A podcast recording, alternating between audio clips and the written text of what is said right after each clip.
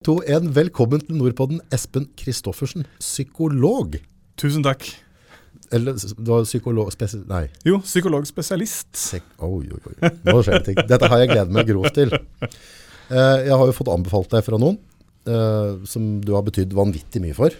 Eh, og på en måte vært en veiviser eh, til å skape rett og slett en totalforandring i livet. Da. Og det er utrolig kult å høre. Det er stilig. Er ikke det stas? Jo. Psykolog. Jeg skjønner jo på en måte hva en psykolog er. altså vi kaller det Koko-pip-pip-doktor. Ja. Når jeg er litt koko-pip-pip, så må jeg gå og prate med sånn som deg. Eh, Få orden på tanken. Men psykolog, hva er en psykolog, og hva, hva, er, liksom, hva, hva er, greia? Altså, En lege skjønner jeg, de lærer seg skjære, sy, bytte ut organer, gi medisiner. Men psykolog er, sånn der, det er vanskelig å graspe det. Ja, ja, det er sant. Det er veldig mange som sier det. Uh, dette med psykolog blir liksom noe mystisk, noe uh, litt annerledes på en måte. Uh, og det er også fordi det er ikke like håndgripelig. Altså, det med medisiner og skjære, liksom som sier en kirurg skjærer ut, skjærer ut kreften av, liksom, eller skjærer ut det, det som er gærent. Ja, du ser det. Mens, mens en psykolog driver med noe som ikke syns like godt, og i tillegg da gjennom samtale. Uh, og da jobbe med, jobbe med følelser, angst, traumer. Jobbe med hva enn da, som på en måte kommer i veien for oss, eller uh, plager oss så mye at vi ikke fungerer så godt som vi skulle ønske. Mm -hmm. uh, og da gjennom, gjennom samtale. Mm. for Og det ser vi jo, ikke sant. Vi er jo alle avhengig av relasjoner. Vi, vi har venner, vi har familie, vi har folk som på en måte er viktige for oss i livet. Mm. Uh, og det å gjøre ting gjennom relasjon, det å gjøre ting sammen med andre, har ganske mye å si. Ja, Så du skal ikke alltid gå veien alene? Skal ikke alltid gå veien alene, vet du. Hørt en sang med Bjørn Eidsvåg. Ja. Gå sammen med deg. Altså, for en fantastisk sang, egentlig. Utrolig fin. Der er det mye, mye fornuft. Altså, der er livet altså, Jeg skal gå med deg, eller åssen var den der? At, ja, jeg skal ja. ikke gå det for deg, men eh, jeg vil gå det med deg. Ja, Det er en sterk greie. Ja, virkelig. Og, og det, det, er, det, er, kanskje litt sånn godt beskrevet hva en, hva en psykolog på en måte gjør. da. Mm. Er, er, med og gå sammen, uten å gå, gå, i front. Uten å på en måte fortelle hva du skal gjøre, men kanskje mer finne ut og gå sammen. Mm. Ja, for det En av de store benefitta du har som psykolog, da, hvis jeg skal komme og, og ha en samtale med deg, er jo at uh, du har ikke vært med meg og opplevd det, mm. så du er forferdelig lite dømmende. Ja. Altså, du, du kan på måte, jeg kan på en måte si min side av saken, og så kan du på en måte trekke ting ut av det. Så kan du begynne å jobbe rundt. Men skulle jeg da gått og prate med mora mi, eller et eller annet, så er jo allerede hun farga mm. av mine handlinger. Eh, som gjør at det kanskje blir mer kleint å åpne seg opp. Mer ja. kleint å prate om det. Du blir, det blir, du blir et sånt fristed. da. Ja. Definitivt. Det er litt godt eh, noen ganger å kunne snakke om i hvert fall de tinga som er liksom vonde, usikre, flaue med noen som ikke kjenner deg. Noen som på en måte eh, ikke nødvendigvis er en del av livet ditt videre. Ja, Og så kan du tenke på at han har garantert hørt verre ting. Helt sant. Samme hva jeg legger på bordet så ja ja, Da setter verre, August. Dette her tror vi finner løsning på. Men altså Sinnet, hjernen altså tanker. Eh, sånn oppbyggingssett da, liksom, eh, starter alt med en følelse. eller Hva var ditt syn rundt den?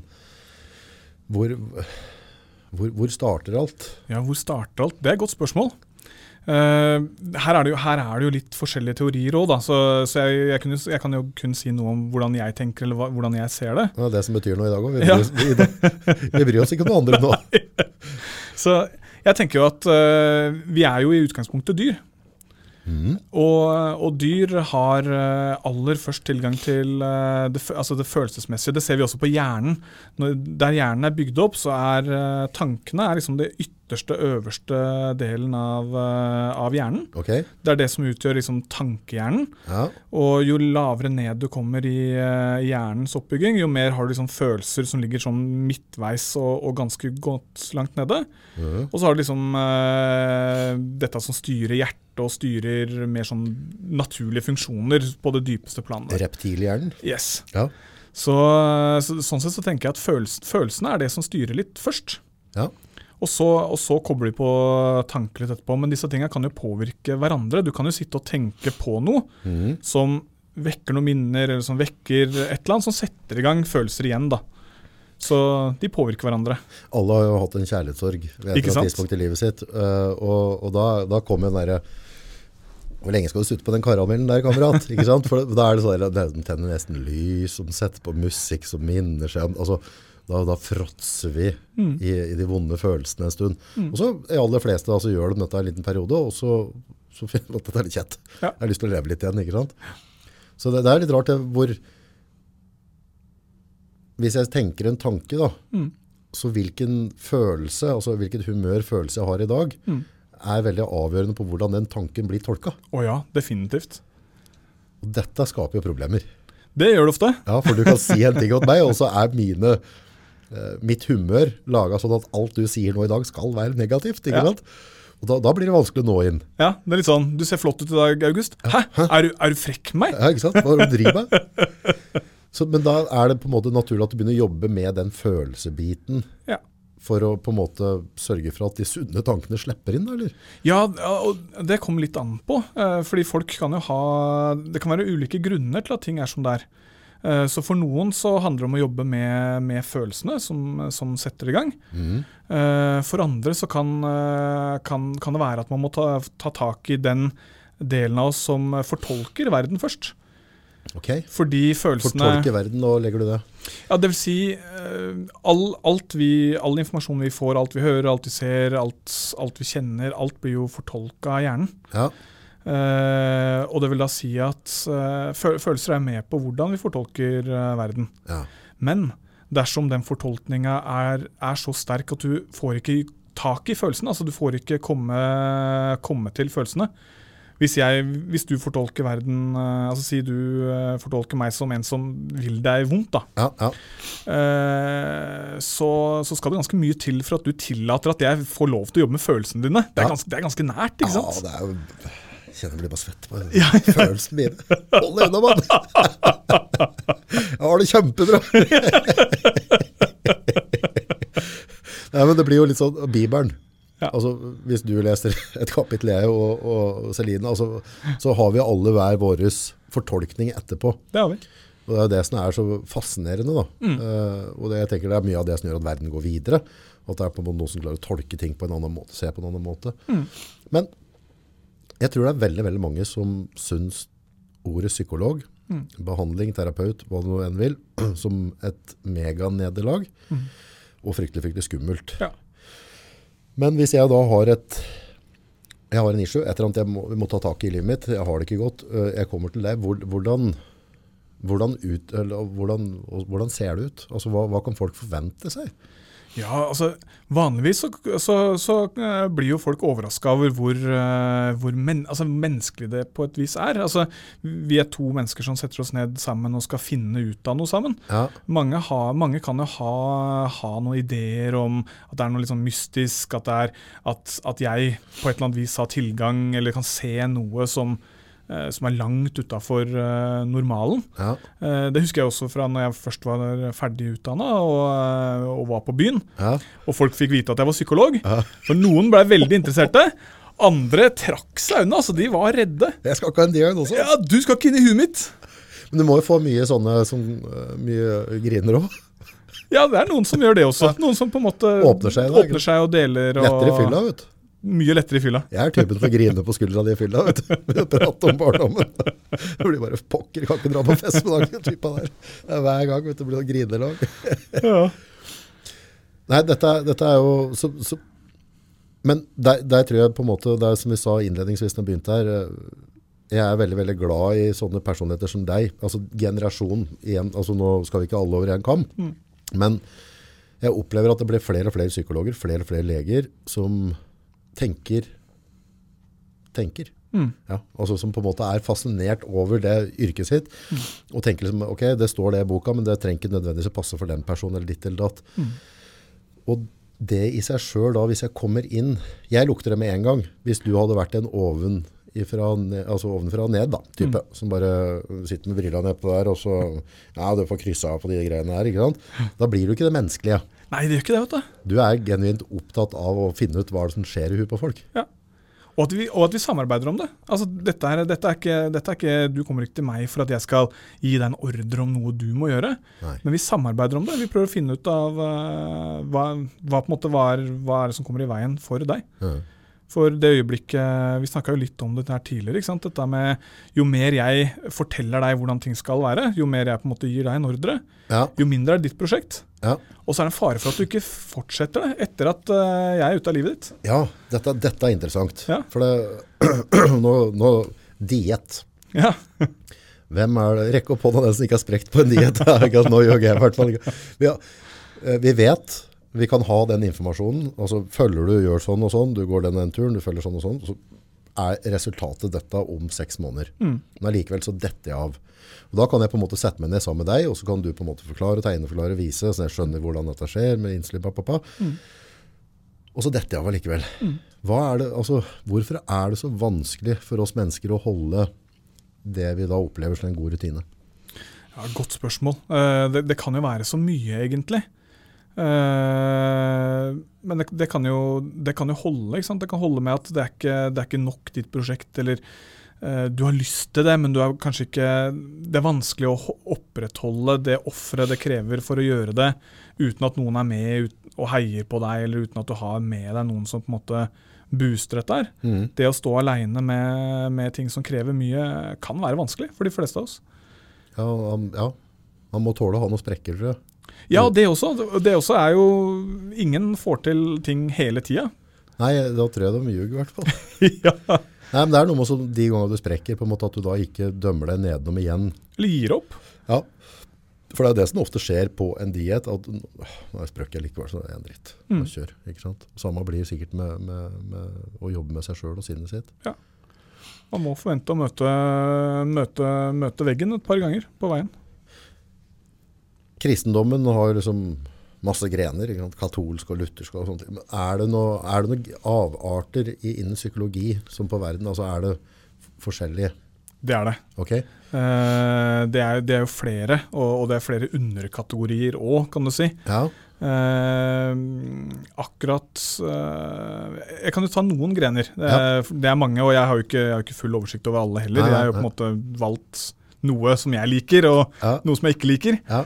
Men, øh, men når, jeg, når jeg studerte, eksempel, så var det jo to hovedgrener for eksempel, som man øh, sverga litt til. ja. Det ene var det man kaller kognitiv psykologi, altså, som går mye, mye mer på tanker, mye mer på liksom, øh, tankeskjemaer og automatiske negative tanker og litt den biten der. Mhm. Eh, og så hadde vi eh, dynamisk eh, psykoterapi, eller dynamisk retning okay. som gikk mye mer ned på det underbevisste, følelser, forsvar mer, sånne, mer sånne underliggende ting. Da. Ik ikke nødvendigvis det man tenker seg til automatisk. Det er ikke Mm. sånn at du kan tenke deg frisk fra alt, Mm. men, men at, at det er et, et samspill eh, underbevisst, eller noe som skjer utafor vår kognitive eller bevisste verden. da. Mm. Eh, nå i dag så er det jo eh, det, Fordi på et tidspunkt så var det jo mye Det var mye som gikk også på kroppen. Ren sånn kroppspsykologi. eh, mye som gikk på positivitetspsykologi. Det er liksom bare det å jobbe med positive følelser, tanker. Eh, det vi ser i dag, er jo at det er mer Etter hvert som disse ulike grenene utvikler seg, mm. så spiser de inn mer og mer av de andre teoriene. Man, okay. man begynner å se at uh, det, er, det er ikke sånn at det bare handler om det ene. Altså, vi, vi mennesker er jo kjempekomplekse. Det er helt enormt. Vi, vi kan ikke båsettes lett i bare én kategori. Du snakker litt om diett. folk, det er Ulike dietter fungerer ulikt på ulike folk, og uh, vi er komplekse. Så etter hvert nå så ser vi at flere av disse greinene tar inn ulike ting. Mhm. Eh, Det jeg, det jeg på en måte brenner mest for akkurat nå, eller som jeg jobber mest med og jobber massivt med, mm. er noe som kalles eh, ISTDP, altså intensiv korttidsdynamisk psykoterapi.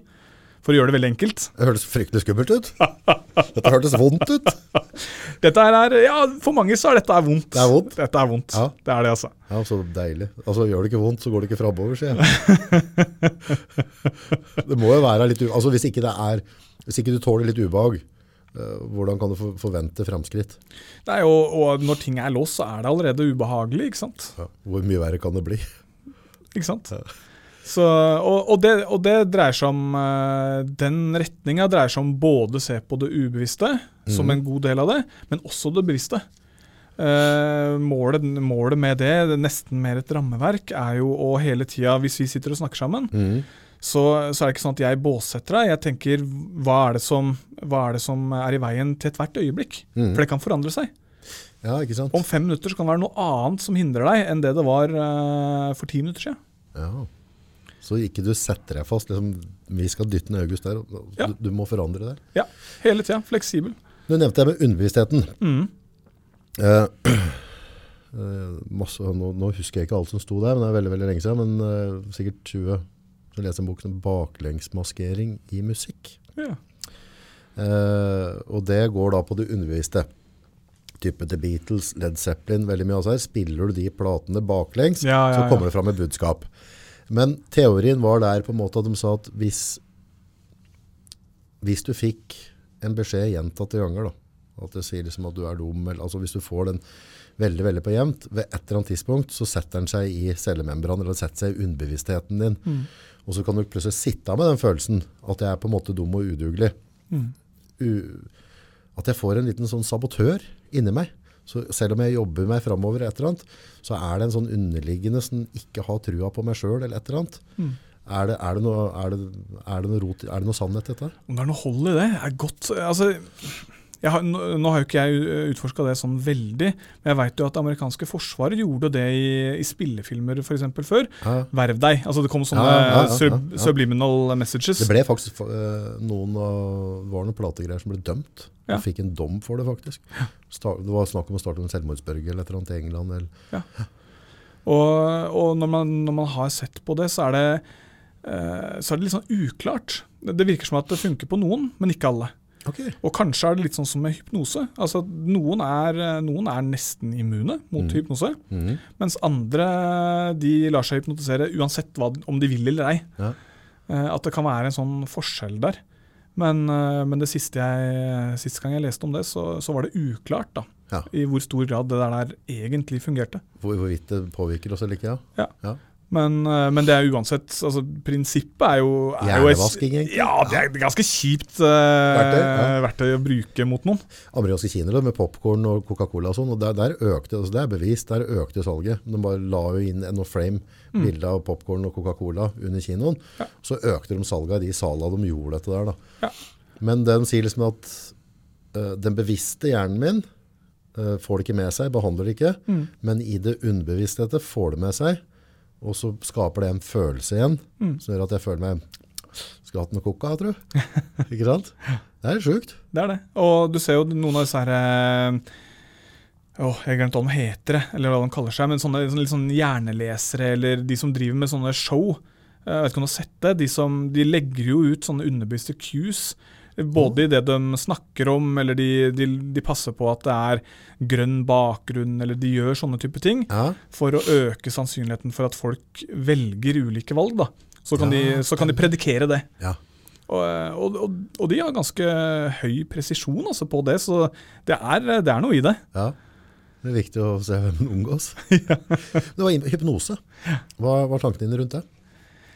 Det blanda, egentlig. altså. Eh, nå har jeg aldri drevet hypnose eller sett noen bli hypnotisert. Eller, har du prøvd å bli hypnotisert sjøl? Aldri prøvd det heller. Eh, så eh, litt sånn blanda. Det er jo Mange, mange syns jo det er veldig effektivt mot uh, røykstopp, f.eks. Jeg har rett tenkt tanken. Ja. uh, det ligger jo noen på YouTube, da. Men igjen, altså nå får dere tenke sjøl, folkens. Ikke rot deg opp i noe dere ikke Men der er det òg noen sånn type hypnosegreier. Mm setter det på. Uh, og jeg har fått til noen ganger å, å få meg selv, eller få, komme i hypnose ved hjelp av uh, Ikke vært noe revolusjonerende, uh, men et av tilfellene så liksom, gikk det ned en trapp. Jeg kom ned, og det var en slags korridor. da, Høres litt som mambo jumbo ut. Kunne åpne forskjellige dører, og så kom jeg inn tilbake igjen i hendelser fra barndommen som jeg ikke huska. Mm. Men når jeg så dem igjen, så huska jeg det veldig tydelig. Så da var det sånn etterpå å tenke på ok, men akkurat den den opplevelsen jeg hadde der da, når jeg åpna åpnet den døra. Men det, jeg hadde fri til å ikke gå inn, eller altså jeg kunne på en måte velge litt selv Mm. hva jeg ønsket å gå inn i. Jeg tenkte etterpå, tydeligvis må jo det, det jeg opplevde der, ha påvirket meg på en eller annen måte, for hvis jeg først havner i den kjelleren der, da, Mm. hvorfor tenke på det? Det eneste jeg har opplevd da i etterkant, når jeg har fått det til, er at jeg føler meg mer i balanse. Ja. Har det ålreit, lettere i kroppen, og lettere å tenke klart. Mm. Litt merkelig. Ja, og, og da har sannsynligvis fått rota opp litt sånn noe som har ligget trygt ned der, og så letta litt da, på det indre trykket på et vis. Det er det jeg synes er litt skummelt. da. Ja. For hvor mye skal jeg rote til det egentlig? Ja, og for noen så er det veldig, så er det veldig skummelt. Altså Meditasjon for eksempel kan jo få til litt den samme hypnotiske tilstanden. Ja, det er litt samme sak, tror jeg. Ja, Det er I hvert fall det du gjør på YouTube. da. Ja. Og, og der er det jo, og, og det vet man jo, har man, der kan man jo møte, altså åpne ting eller møte, møte seg sjøl i døra så hardt at du kan bli ordentlig dårlig. Ja. Så der, der er det å være litt forsiktig. Altså, du veit jo aldri om, eh, om trollet sprekker når det, blir, når det kommer ut i lyset. på en måte. Nei, Nei det, det, derav så må folk bruke huet her. Liksom, for det, Mm. er, det er ikke sikkert at det er for alle, sjøl om jeg har fått en positiv opplevelse ut av det. Så nei, det å dykke inn i, i sinnet, Mm. det er veldig interessant. Men videre da, i en sånn, hvis jeg kommer inn og har en samtale, hvordan, hvordan angriper du, eller hvordan tar du tak i situasjonen? Og så har, du, er det, har dere noen faste måter dere pleier å gå frem for å kartlegge? Eller hva, hva, du, hva ønsker du begynne å jobbe først med? Ja, eller spørsmålet er kanskje motsatt. Jeg ville spurt akkurat det du spurte om der. ville jeg gjerne spurt uh, den som kommer rundt til meg. Hva ønsker du først å jobbe med? Hva er, hva er viktig for deg? Hvor, hvor trykker skoen? Ja, Uh, og derifra så vil vi sammen uh, kartlegge litt, finne ut hva er det For pro- problemet kan jo være så mange ting. ikke sant? Det kan være jeg har med meg en trøblete historie som jeg har lyst til å, å jobbe med. Eh, og det å jobbe med en trøblete historie eh, det, For noen så holder det med bare å snakke om det. Det holder å dele det, det holder å snakke om det, det holder å på en måte eh, bare dele det med noen andre. Slippe å bære det aleine. Mm. Eh, For andre så kan jo det å begynne å dele historien kan gjøre at de eh, faller sammen i panikkanfall, mister konsentrasjon, får piping i øra, tankemos. Det er ting som skjer som gjør at eh, man må bygge litt sånn følelsesmuskler før man i det hele tatt kommer dit. Ja, og der, pratet, der hadde du en fin metafor i stad på det med Mm. følelsesmuskler. da. Eh, Hvis du forteller den igjen, Vi prata litt om før vi begynte her. Ja, riktig. Eh, ja, og det jeg sa da, var jo at du, du, starter, du starter jo ikke med 100 kg med, med følelser hvis du bare klarer å løfte 25 kg med, med følelser. Mhm. Eh, og da må du starte der. Da må du liksom finne, finne hvor, er, uh, hvor er maks tåleevne. Hvor mye kan du bære akkurat nå? Mm. Så, så bygger vi opp det først, før, uh, før vi på en måte går inn og løfter et ordentlig tunge løft. Så du går ikke inn og bare åpner Pandoras eske med en gang og kaster meg på gata etterpå? Nei, da, da, da hadde vi ikke vært veldig happy, tror jeg. Nei, nei. Men det med angst, depresjoner Mm. eller, av, av, de, av de tinga som vi ser i Norge, da, Ja. hvem er det som stikker seg mest ut? Hvor er de største psykiske problemene i Norge, tror du? Jeg tenker jo angst, uten tvil. Eh, fordi det er veldig sjeldent jeg ser depresjoner også uten at det er mye angst blanda inn i det. Ja. Eh, så angst er nok eh, en, en av de største synderne. Mm. Jeg tror nesten jeg aldri møter noen som ikke har eh, angst som en av de tinga som holder dem fast. Og noen depresjoner eh, ja, Nå er jeg litt sånn over, over gjennomsnittlig interessert i dette. Da. Ja, ja, så bra. Eh, så dette er jo det jeg skal si nå kan være litt, sånn, litt komplisert. Ja. Men noen depresjoner kan jo være et, et følge av rett og slett angst. Å, så du kan få depresjon. Ja. Så det kan Så- gå begge veier, dette her? Det kan gå begge veier. Mm. Og, og hvis man tenker angst som eh, Tenk angst som eh, et signal da, som sendes i kroppen. Ja, og dette signalet kan jo sendes ulike steder. Okay. Så hvis eh, den, den angsten som vi, eh, de fleste av oss eh, tenker på liksom vanligvis som angst, det er jo den derre uroen, ikke sant. Svette i hendene, hjertebank, være sånn, kanskje litt sånn skjelven og, og se litt sånn redd og, og nervøs ut. Mm. Men, eh, men angst kan jo også arte seg som eh, det som kalles mage-tarmangst, eller glatt altså angst i glatt muskulatur. Eh, Glatt muskulatur, det vil si. Mage-tarmsystemet. Det er glatt muskulatur. Ja, okay. mens, mens eh, den viljestyrte muskulaturen vår er jo den tverrstripa. Man, det, det er litt sånn hvordan de ser ut da i et Å, ja. Så de ser annerledes ut? De ser annerledes ut. No. Og angst da i mage-tarmsystemet kan jo gjøre at du rent fysisk, og det er ikke tull engang, du mister energi, du blir slapp. det er vanskelig å kjenne noe kraft i det hele tatt. Øh, du kan bli kvalm, uvel. øh, få selvkritiske tanker. Eh, Det er som om hele systemet liksom går litt sånn i skjøtta. Mister helt krafta. Du ser deprimert ut, og du føler deg deprimert. Og veldig mange av dem føler seg ikke engstelig. De føler, de føler ikke at angsten på en måte er et problem. Men eh, når man da får jobba med det, da, jobba med det gjennom å, å hjelpe angsten til å gå et annet system, da, rett og slett, Ja, ja. så livner det til, og så stopper, eh, så stopper det depressive litt opp. Veldig fascinerende å se. Eh, vi har jo hatt, uh, eller jeg har hatt uh, Tor Arne, en som har, har, som har angst og har slitt mye med det gjennom livet sitt. Mm. Fantastisk fyr og utrolig morsomt å ha med på reisa. Hvis noen lurer mer på det, så ligger det tre podcaster bakover her. Tor Arne Vidal, som går an å høre på. Eh, og han har jo levd med dette der. Mm. Men altså, hva Angst, hva er angst? Altså, kan, du, kan, du, kan vi si at angst kan være positivt? Mm. Det kan få meg å være på alerten, gjøre at jeg presterer mer.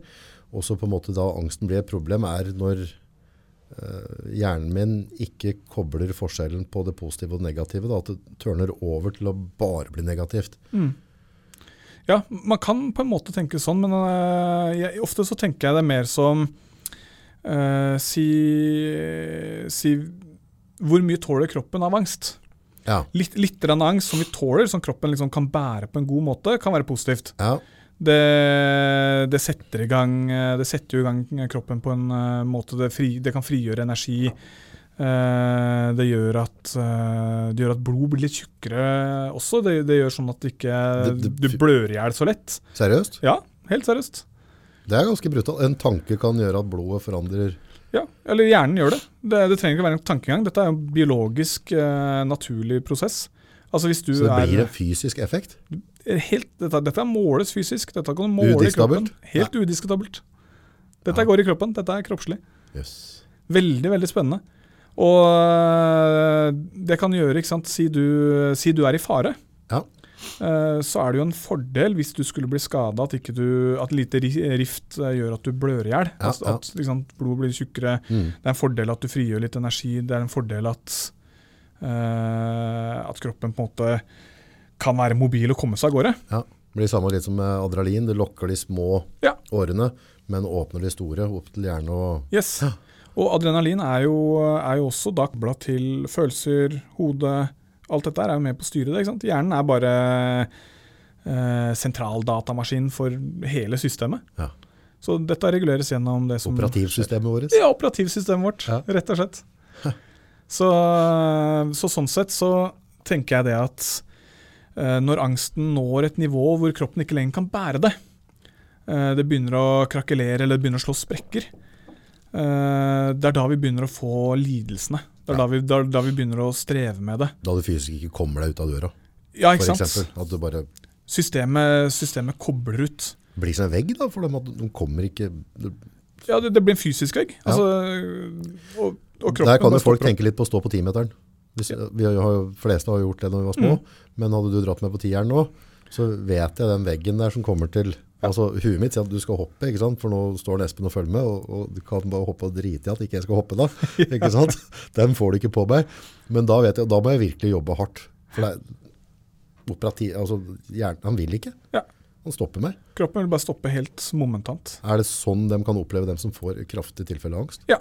Og, og det kan bli enda verre òg. Du, du, du kan rett og slett fysisk svime av. Svime av. Du kan svime av.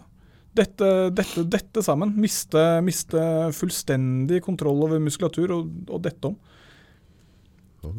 Dritt, dritthjerne. Ja. og, og da er det så mye som skjer på innsida at kroppen klarer bare ikke å bære det lenger. Eh, og da, da, begynner, eh, da begynner kroppen å, å, å koble av. Da begynner ting å, å slutte å fungere. Og du vet, Angst kan gjøre at vi slutter å kjenne smerte. Vi kan, vi kan miste kontakt. La, lammelser i armer, lammelser i bein. Miste helt kontakt.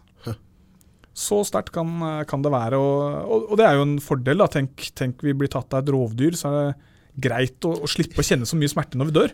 Så det er egentlig ganske naturlig, da? Ja, det er det, altså. Ja. Men det, det Hvem var det som altså, Hvis du skal Jeg drev og holdt en foredrag. Mm. Um, og idet du skal gjøre det, så, så, kjenner jeg det, ikke sant. Mm. Uh, klart jeg er fantastisk flink til å bare ikke forholde meg til det. Inntil at det, liksom, at, at det er så tett på at det, nå har du ti minutter på å forberede det. liksom. Nå skjer det. For jeg orker ikke jeg orker ikke forholde meg til det, så jeg bare blokker den litt ut. da. Men da har jeg sett på en eller annen på YouTube, en som er veldig dyktig med det med historiefortelling, foredrag og sånne ting. Og han kommer med påstand og sier at om du nå skal opp foran 1000 mennesker og prate, den følelsen, den, altså den frykten den gir deg, eh, er egentlig eksakt den samme som om det hadde stått en isbjørn som var altfor sulten bortpå. Hjernen skiller ikke forskjell mellom faren på frykten. Frykt er frykt. Frykt er frykt. Angst er angst. Mm. Så, så, da på en måte da begynner den reptilhjernen å slå ned systemene mine. Ja. For det den opplever, at nå skal August inn i en farlig situasjon, så altså, han kan dø mm. hvis den går oppå der. ikke sant? Og det er ganske sjukt. At, at, vi ikke har den der liksom bare hva er det verste som kan skje? Jo, noen kan le av deg, liksom. Dø det? Nei, gjør ikke det, liksom. Du kan prøve en tur til senere. Nei, jeg skal ikke foran, jeg skal ikke inn i buret til en isbjørn. Nei. Men hvorfor får jeg de følelsene da? Det er et godt spørsmål. En tanke jeg har gjort meg, og dette, dette har jeg på en måte ikke Jeg har lest, lest litt sånn ulikt om dette, og mange mener mye forskjellig. Mm. Men en av de tingene som gir veldig mening for meg, er jo at uh, det å gå inn, ut i en sånn situasjon Altså, vi, vi er jo flokkdyr. Ja. Så hvis, hvis, du går i en situasjon hvor du kan bli avvist, kritisert, bli mislikt av flokken din, mm. uh, så er jo det å, bli, det å, bli, utvist fra samfunnet vil jo innebære død, ikke sant? Det er krise, det gamle dager. Det er krise. Ja. Og det gir litt mening for meg å tenke litt sånn at hvis det øyeblikket du på en måte ikke likes, eller det øyeblikket du blir eh, forvist Sjåne, ja, ikke sant? Ja. Fra, fra, gruppa, så er du ferdig. Du er, I gamle dager så var du ferdig? Altså, da var du ferdig. Done. Ja. ja. Så det er, det er altså reptilhjernen vår den kommer fra steinaldertida, mest ja, sannsynlig. Altså, vi har jo sikkert vært noe evolusjon, da, men mm. det han sier, da Eh, forhold til det, er at han mener at hvis du mentalt gjør det foredraget ditt og så bare Lukk den øya. Du, går, du ser for deg du går trappa opp. Du bare ser, liksom, du ser skoene dine gå på trappa opp. Du steller på podiet. Ser for deg der er maskina di der. Du ser folka. Du ser for deg en som sitter og gjesper i ørene, som er ute til å stjele energien din. Du ser for deg han, men da vet du at ok, da fokuserer jeg på dem som ser på. Du kjører den biten der. Så har hjernen din gjort det en gang før, mm. og så vil ikke oppleve så jævlig når du skal gjøre det. Mm. Kan det stemme? Ja. Det er jo det som kalles eksponering. Ja. Vi, vi, utsetter, vi, utsetter, uh, hjernen vår for, uh, for, en, for, en, lignende stimulering. Eller vi, vi, stimulerer hjernen som gjør at den kan bygge litt sånn tåleevne i, ja. i forhold til det skumle. Det er jo derfor, uh, det er derfor jeg tipper at den hundrende gangen du har gjort en podkast, er litt lettere enn den første. Ja, det blir noe helt annet. Ikke sant? Det første var helt pyton. ja. altså, det var veldig trivelig da, men det, klart, det var, var noe helt annet nervespill. Ja. ja. Så egentlig hadde jeg tenkt du skulle sende direkte i dag, jeg tenkte, men, eh, men vi, vi, må, har noen tekniske greier. Bare, for egentlig bare steppe det ett hakk lenger. Kjøre, nå kjører Så vi driver vurderer og så bare begynner å kjøre podkasten direkte. Ja. Banke det rett ut. Nettopp, det var veldig fett. Da får jeg litt nerver igjen. vet du, kjenner. Ja, da. Men der er det jo sånn for folk da, som, eh, i type metafor. da. Mm. Hvis dere som lytter nå, hvis dere ser for dere en ting dere har sånn megafrykt for, da. om det er slanger, edderkopper, mus, hoppe fra tieren, hva det nå enn er, lokk øya lag en, en filmhistorie i hodet ditt der du på en måte ser at ok, jeg kommer inn, så åpner jeg den døra. Så hører jeg det litt i hjørnet, den slangen der. Men jeg vet, altså, så mentalt så går det bort, og så hilser du på den slangen. Så tror jeg de aller fleste kommer til å få en dårlig følelse hvis de er veldig redd rundt det. Men da har du eksponert deg mm. og forberedt deg for hvis det kommer til å skje. Ja. Rett og slett. Og, og, og, der har vi jo også litt sånn ulik tåleevne. Hvor, hvor, uh, hvor hardt vi eksponerer oss, jo uh, jo hardere kan det være. Ja. Uh, det, er derfor, det, er derfor, det er lettere å gjøre tankeeksperiment enn å fysisk gjøre, enn fysisk gjøre det. ikke sant? Ja. Uh, og Samme blir det jo med, med slanger. og kanskje, kanskje, det å starte med å se et bilde sant, av det du syns er skummelt eller ekkelt. Eller ja, allerede der. Ja. Allerede der. For det, det, kan være nok. Så i utgangspunktet så er det på en måte, om du ser liksom topp achievers eller toppidrettsutøvere, det de driver med, uh, er mye av det samme som dere driver med, men uh, på et litt annet nivå. Altså de har, de har flytta barn litt, da. Mm, Enkelt og greit. veldig. Og, og det vi gjør, er jo stort sett Det er jo stort sett logiske, naturlige ting, men vi har systematisert det bare. Mm. Det er, ikke, det er liksom ikke mer mystisk enn det. Vi har på en måte systematisert en del kunnskap og en del ting som folk allerede gjør instinktivt, eller uh, ting vi har egentlig litt med oss naturlig, Mm. men som vi gjør eh, strukturert isteden. Der har du allerede det du sa nå i stad. Eh, Det kjenner jeg allerede gjør en forskjell. For du sier på en måte Prater blir sjåna, eh, kroppen begynner å gå i sånn shutdown-modus, ditt og datt, styr og stell. Da har jeg plutselig en forklaring på hvorfor jeg føler det sånn. Mm. Og da er vi et skritt videre. For hvis du gir meg, en hvis du gir meg en knagg å hegge noe på, så er det utrolig langt jeg kan gå. Ja. Bare jeg har noe liksom, ja, men det, det er jo bare for at fra gammelt av så var det viktig å være i en flokk. Du setter deg i en situasjon. Mm. Da var du egentlig ikke så farlig likevel. Nei, ikke sant? Og, så er det, og, og akkurat det der er så fascinerende, fordi vi er, vi er jo meningssøkende skapninger. Så det øyeblikket ting gir mening for oss, så er det så mye lettere. Ja, Ikke sant? det er derfor vi liker å følge. Ja. Altså følge statsministeren, følge en president. Altså det gir en mening. Ja.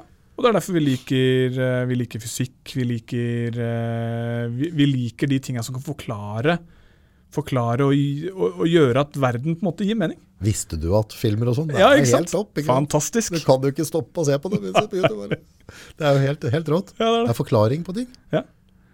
Og ting som gir mening, da. ikke sant? En forklaring som gir mening, noe som resonnerer med oss, det er, eh, det, det er sterkt. Da kommer nesten den placeboen inn. da. Ja, det kan, ja, definitivt. På en altså, altså, vi mener... en, altså, I det du gir meg mening, Mm. at du, du, en ting som er problem, så gir du sånn at du, Vi jobber dit til at jeg føler at jeg får, får en mening med det. Sånn og Mm. sånn er det. Mm. Så trenger jeg kanskje ikke den nervetabletten. Ikke sant? Og det, hvor er du igjen i verden der? På tabletter kontra behandling? Der er jeg også litt delt. Ja. Noen, noen trenger den krykka, altså. Ja. Uh, kan man klare det uten krykka, Mm. uh, så støtter jeg nesten alltid det. Mm. Men for noen så, er det, så, har man, eh, så har man med seg så mye som trykker på, Mm. at det å ha den tabletten som en sånn krykke gjør at du kan pushe enda litt lenger. Altså, det Du får en sikkerhet. ja, du får en sikkerhet, rett og slett. Det er, det, er som å, det er som å gjøre noe skummelt med et sikkerhetsnett. Ja, for det, jeg tenkte litt på sånn I en travel hverdag da, for, for leger og, og sånne ting. Og så i masse, masse flinke folk ute, så dette er ikke noe for å, å klage på noen. Jeg hadde ikke gjort noe bedre sjøl. Så kan det være sånn ok, jeg kommer inn og er depressiv, eller annet, så får jeg da en antidepressiva. Mm. Men da tenker jeg sånn derre Den tabletten mener jeg at jeg aldri skulle ha hatt. Jeg tenker sånn, Hvis det er fare for at jeg begår sjølmord, eller altså at jeg, måte- det er rett og slett kritisk Mm. at vi må få skrudd, skrudd med det, så er jeg med på det som en midlertidig løsning. Mm. Men hvis ikke jeg da har en samtalepartner og prater med og jobber med det, så er det meningsløst å ta det. Mm. Er det feil tanke? Nei, jeg er, eh, jeg er på sett og vis enig. Eh, Jeg skiller litt i to grupper jeg da, Ok. eh, når det kommer til det. En er jo tabletter som midlertidige krykker. Mm. Altså det vil si, det er, det er ikke en per, ja? Det er ikke en permanent løsning på noe, men, men det er en krykke du trenger mens du jobber med, med det Mens du jobber med. Ja, Ja. ja. Mens noen har jo plager, lidelser, ting som eh, på en måte er, eh, er kronisk. Altså noe, noe som du kanskje må leve med resten av livet. Ok, at det er en koblings... Ja, liksom? Bipolare lidelser, psykoser. Du har, øh, du har ting som på en måte vi i hvert fall per i dag da, ikke har kommet så langt at vi kan klare å behandle gjennom samtaler, behandle på, på en annen måte. Vi kan, vi kan kanskje gjøre noe med tilleggstinga som kommer. Ja, for det kommer tilleggsting på det bipolare, for eksempel. Ikke sant? Mm. Eh, men, mens kanskje selve, bi, det, selve det bipolare må håndteres eh, med en tablett som man da må kanskje bruke resten av livet, eller til dette her eh, på en måte går litt over av seg sjøl. Når du sier bipolar, jeg har jo hørt det bli sagt tusenvis av ganger. Ja, Eh, men hva, hva er bipolar? Jeg vet ikke. Jeg vet at du ikke har det så bra da, i hvert fall. da har du det Begge deler kan du ha det, faktisk. Ok? Eh, den, hvis jeg skal forklare bipolar litt sånn enkelt, Ja, eh, så enkelt jeg kan, Ja. eh, så er bipolar Se for deg som et batteri. Du svinger mellom pluss og minus. Så det vil si, i visse perioder så kan du ha det bra, du kan faktisk ha det jævlig bra. Ja. I andre perioder så har du det ordentlig ille. Ordentlig nede, ordentlig deprimert, ordentlig nedstemt. Og så svinger du litt mellom disse to tilstandene. Ja. Så i visse perioder så har du det kjempebra. Du, du, liksom, du er kongen av verden, og du liksom, ja, klar. klarer alt. Trenger ikke søvn, trener eh, fem timer om dagen, er på. Og så kommer nedperiodene, hvor du har det ordentlig vondt, orker ikke å komme deg ut av senga engang. Alt er bare helt stuck. Så enkelt forklart så er det den uh, Og det kan komme som julekvelden på kjerringa. Det trenger ikke være noen triggerfaktorer. Det, Det trenger ikke være det. Det kan være det. Noen, Mm. altså, det er jo en, eh, man kan jo ha en sårbarhet som eh, gjør at dette kommer litt lettere. Mhm. Men, men for mange mange beskriver det at det kommer plutselig, så er det der. Da kan du få angst av å få det. Da. Du- Du kan jo dra på deg angst av at du er redd for at du skal få det. For Ja. i morgen, morgen skal jeg barnedåp. Mm. Eh, veldig viktig dag for meg. Og så er jeg bare Fy faen, tenk hvis jeg får dette her nå. Tenk hvis jeg går rett på minuspolen nå. Ja. Det blir jo nervøst da sånn. Ja, ja eller, eller enda verre, du går og gruer deg til uh, neste gang du får det så bra at du uh, kjøper deg ti biler, ti nye biler. ikke sant? Du setter deg i det økonomiske uføret. Fordi du bare er den kongen, og du har liksom de tankene. ikke sant? Ja. Jeg skal, jeg skal, jeg skal starte bilbusiness, og jeg skal sånn og sånn, og så, og så setter du deg et Grandiose tanker. ja, du, blir liksom, du kan bli grandios av det. Jeg tror jeg er bipolar, men jeg er bare på pluss. Ja. Hele tida. ja, jeg skulle ha hatt litt av minus jeg gang iblant. Så Få det ned på jorda, gutt. Ikke være helt kokos her. Manisk depressiv. Hva er det? Det er jo et ord jeg har hørt masse, masse, masse ganger, men vet egentlig ikke hva det er. Nei, det er gammelt begrep på akkurat det samme. Ok, For mani er plussida, og depressiv er minussida. Så de har bare kobla det sammen i ett ord. Okay. Manisk depressiv. ja. så det er samme som bipolar. Det er det samme som bipolar.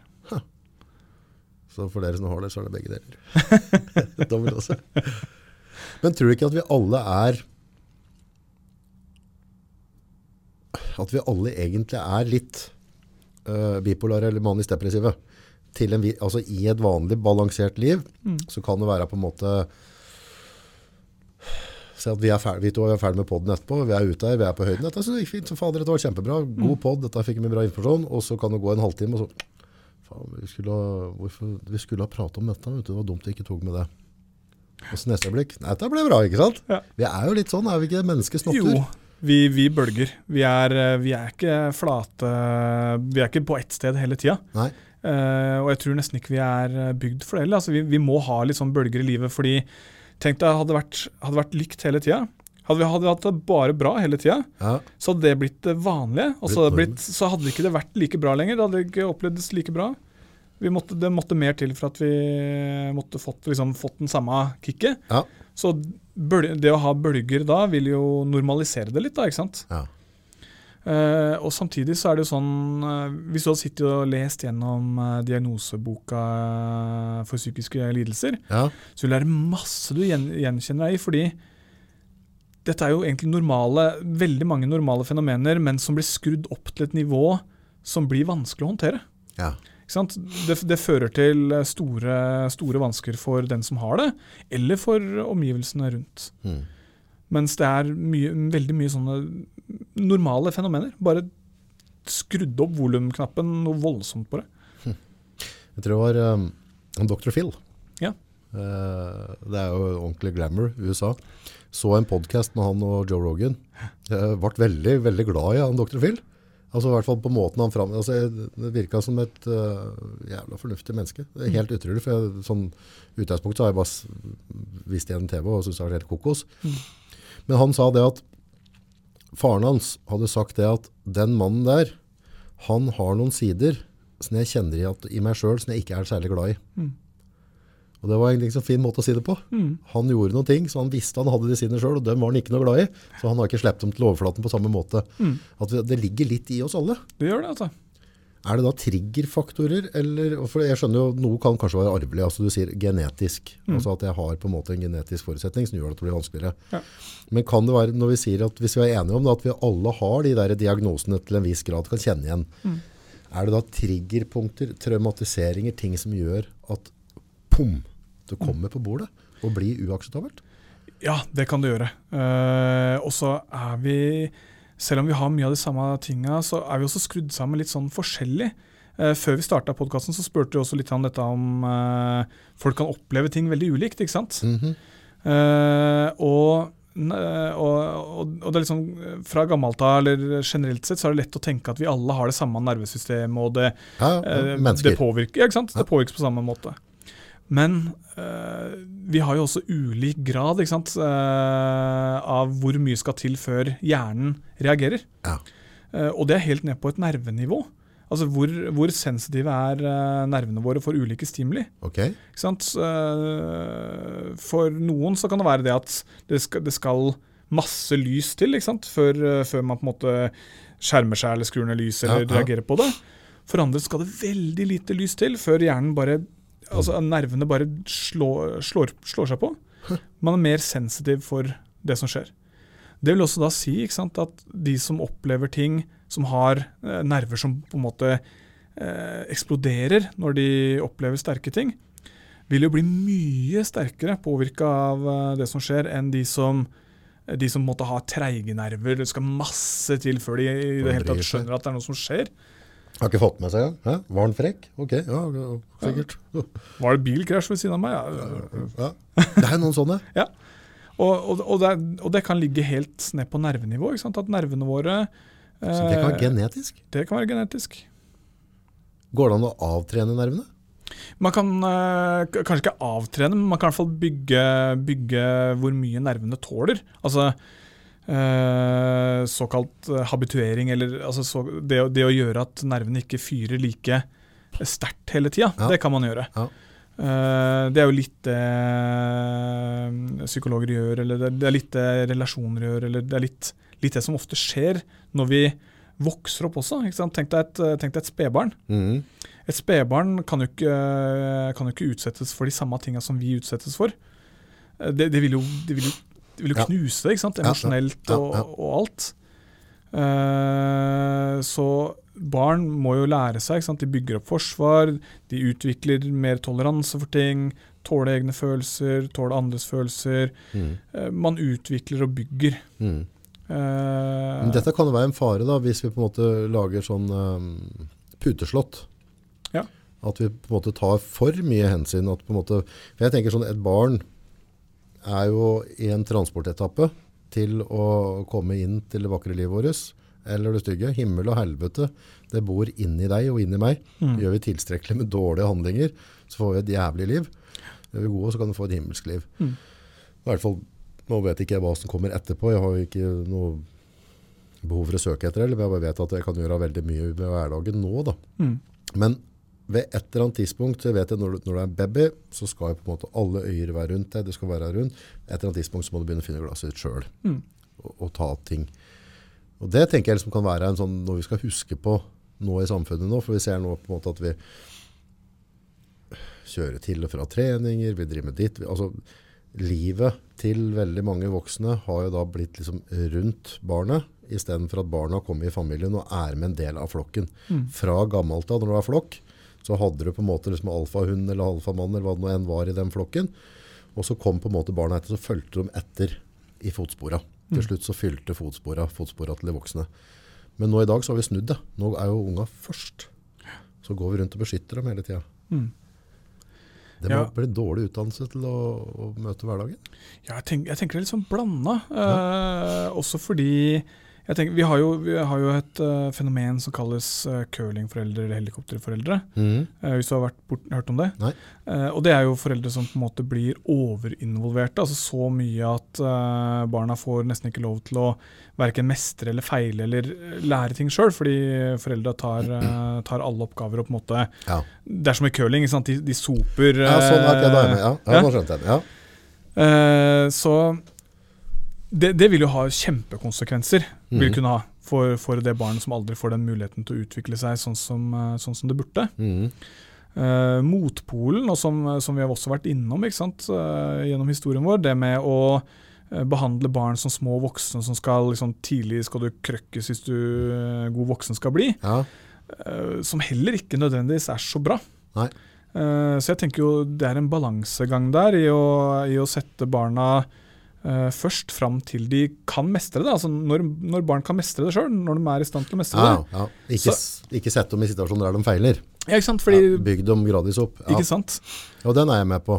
Men, men samtidig så ser jeg liksom det vestlige samfunnet nå, altså det, det blir jo veldig det er liksom, Oi, var det noen som sa det til deg på skolen? Kom, skal du få litt marshmallow og skal vi pakke den i ullpledd? Liksom. Mm. Er shut the fuck up, da. det er livet. Mm. Altså, noen kommer til å si stygge ting til deg. Ja. Unngå å være i den situasjonen etterpå. Hva tenker du rundt det? Skal du gidde å bry deg om dette? her? Altså, Mm. for stryker de for mye med håra da, ved et eller annet tidspunkt, så, så, så uh, sitter ikke mamma og pappa der med marshmallowen og tekoppen og ulltøfler og dukke, dukke, dukke, ikke sant? Nei. Og ofte så er det snakk om 16-17-18-åringer. Ja. Og det er liksom bare, noen ganger så må vi grow, grow up. Mm. Ja, det, Eller er det for hardt? Nei, altså, det, det, jeg, jeg tenker det kommer helt an på person, ja, altså. Ja. For, uh, for noen, uh, for noen så, så kan det være at de trenger det. Mm. Noen uh, trenger kanskje lengre tid på å, å få liksom komme til det punktet hvor de kan begynne å mestre disse tinga. Mens andre så, så, blir det jo så blir det overkill, ikke sant. Det, ja, er det ikke viktig å gi dem verktøy til å mestre istedenfor i stedet for å, å dukke? Eller det, altså- definitivt. For det, det blir jo en sånn derre vi, vi er veldig gode på å bli krenka, da.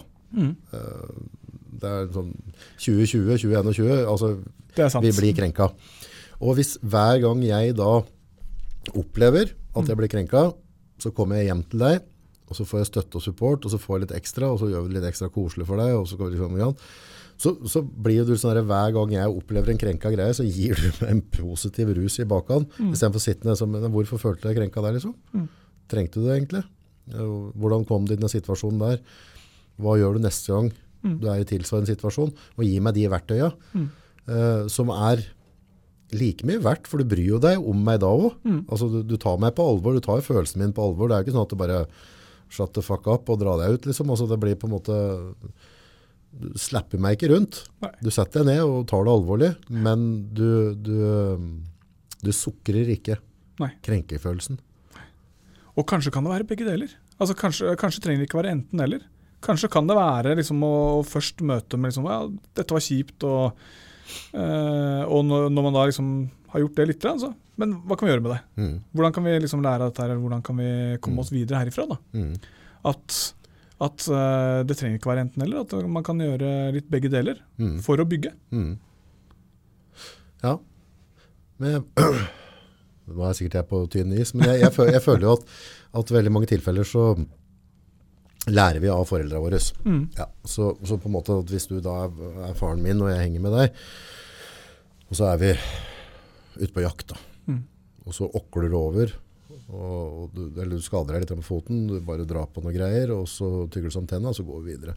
Jeg lærer noe ut av det. Mm. Ja, da hadde du satt deg ned gitt opp, og sagt nei, ring ambulansen, her skal vi, ikke sant, buhu, ikke sant? Det er en grunn til at unger vifter rundt seg når de ser veps. Ja. Altså, jeg, jeg, tror, altså, jeg tror ikke det er en sånn der, eller eh, hvorfor er folk redd mus? Mm. Ikke sant? Jeg hadde en mor som sto på stoler og skrek med, med kost, ikke sant? Altså, det, ikke sant? Det, det, det, er, det kommer jo fra et sted. Ja. Og, og hvis på en måte, hvis vi er for softe da, Mm. så, så legger vi jo lista liksom, ok, når det skjer, så er det helt ok å um, avlyse resten av dagen, og så skal jeg bruke resten av dagen på å føle meg krenka. Mm. Den er litt skummel. Ja, ja, ja. Så hvor, hvor går den, altså når er det, og jeg skjønner jo det at det er forskjell fra person til person, men Ja. dette blir veldig, veldig vanskelig. Det blir kjempevanskelig. Og, og det er eh, for mye, for mye av begge sider fører sjelden til noe, sjelden til noe bra. Og, og jeg, tenker jo, jeg tenker jo vi som vi som voksne, eller vi har jo et ønske om at eh, barna våre skal utvikle seg optimalt. Mm. ikke sant?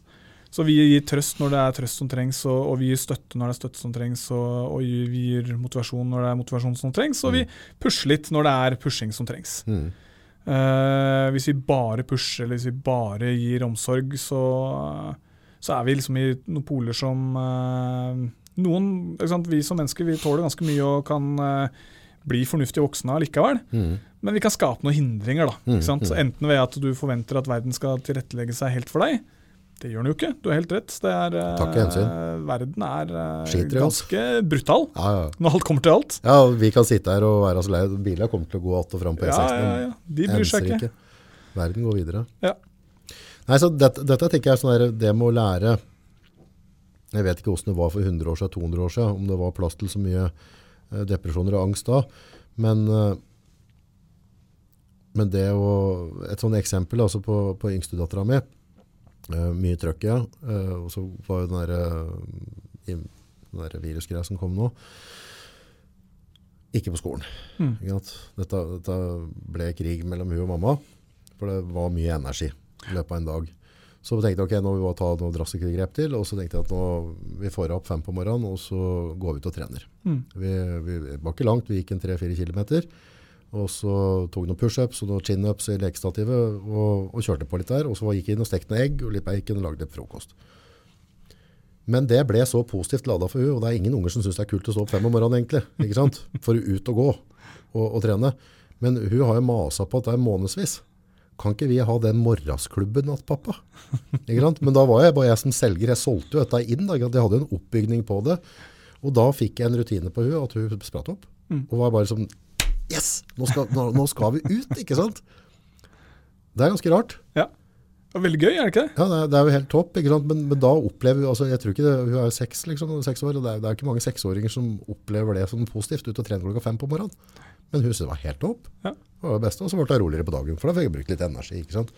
Ja. Og få inn noe vettefôr om morgenen. Mm. Ikke begynne med Nugatti, liksom. Og så er det jo en ting som dere skaper sammen, da.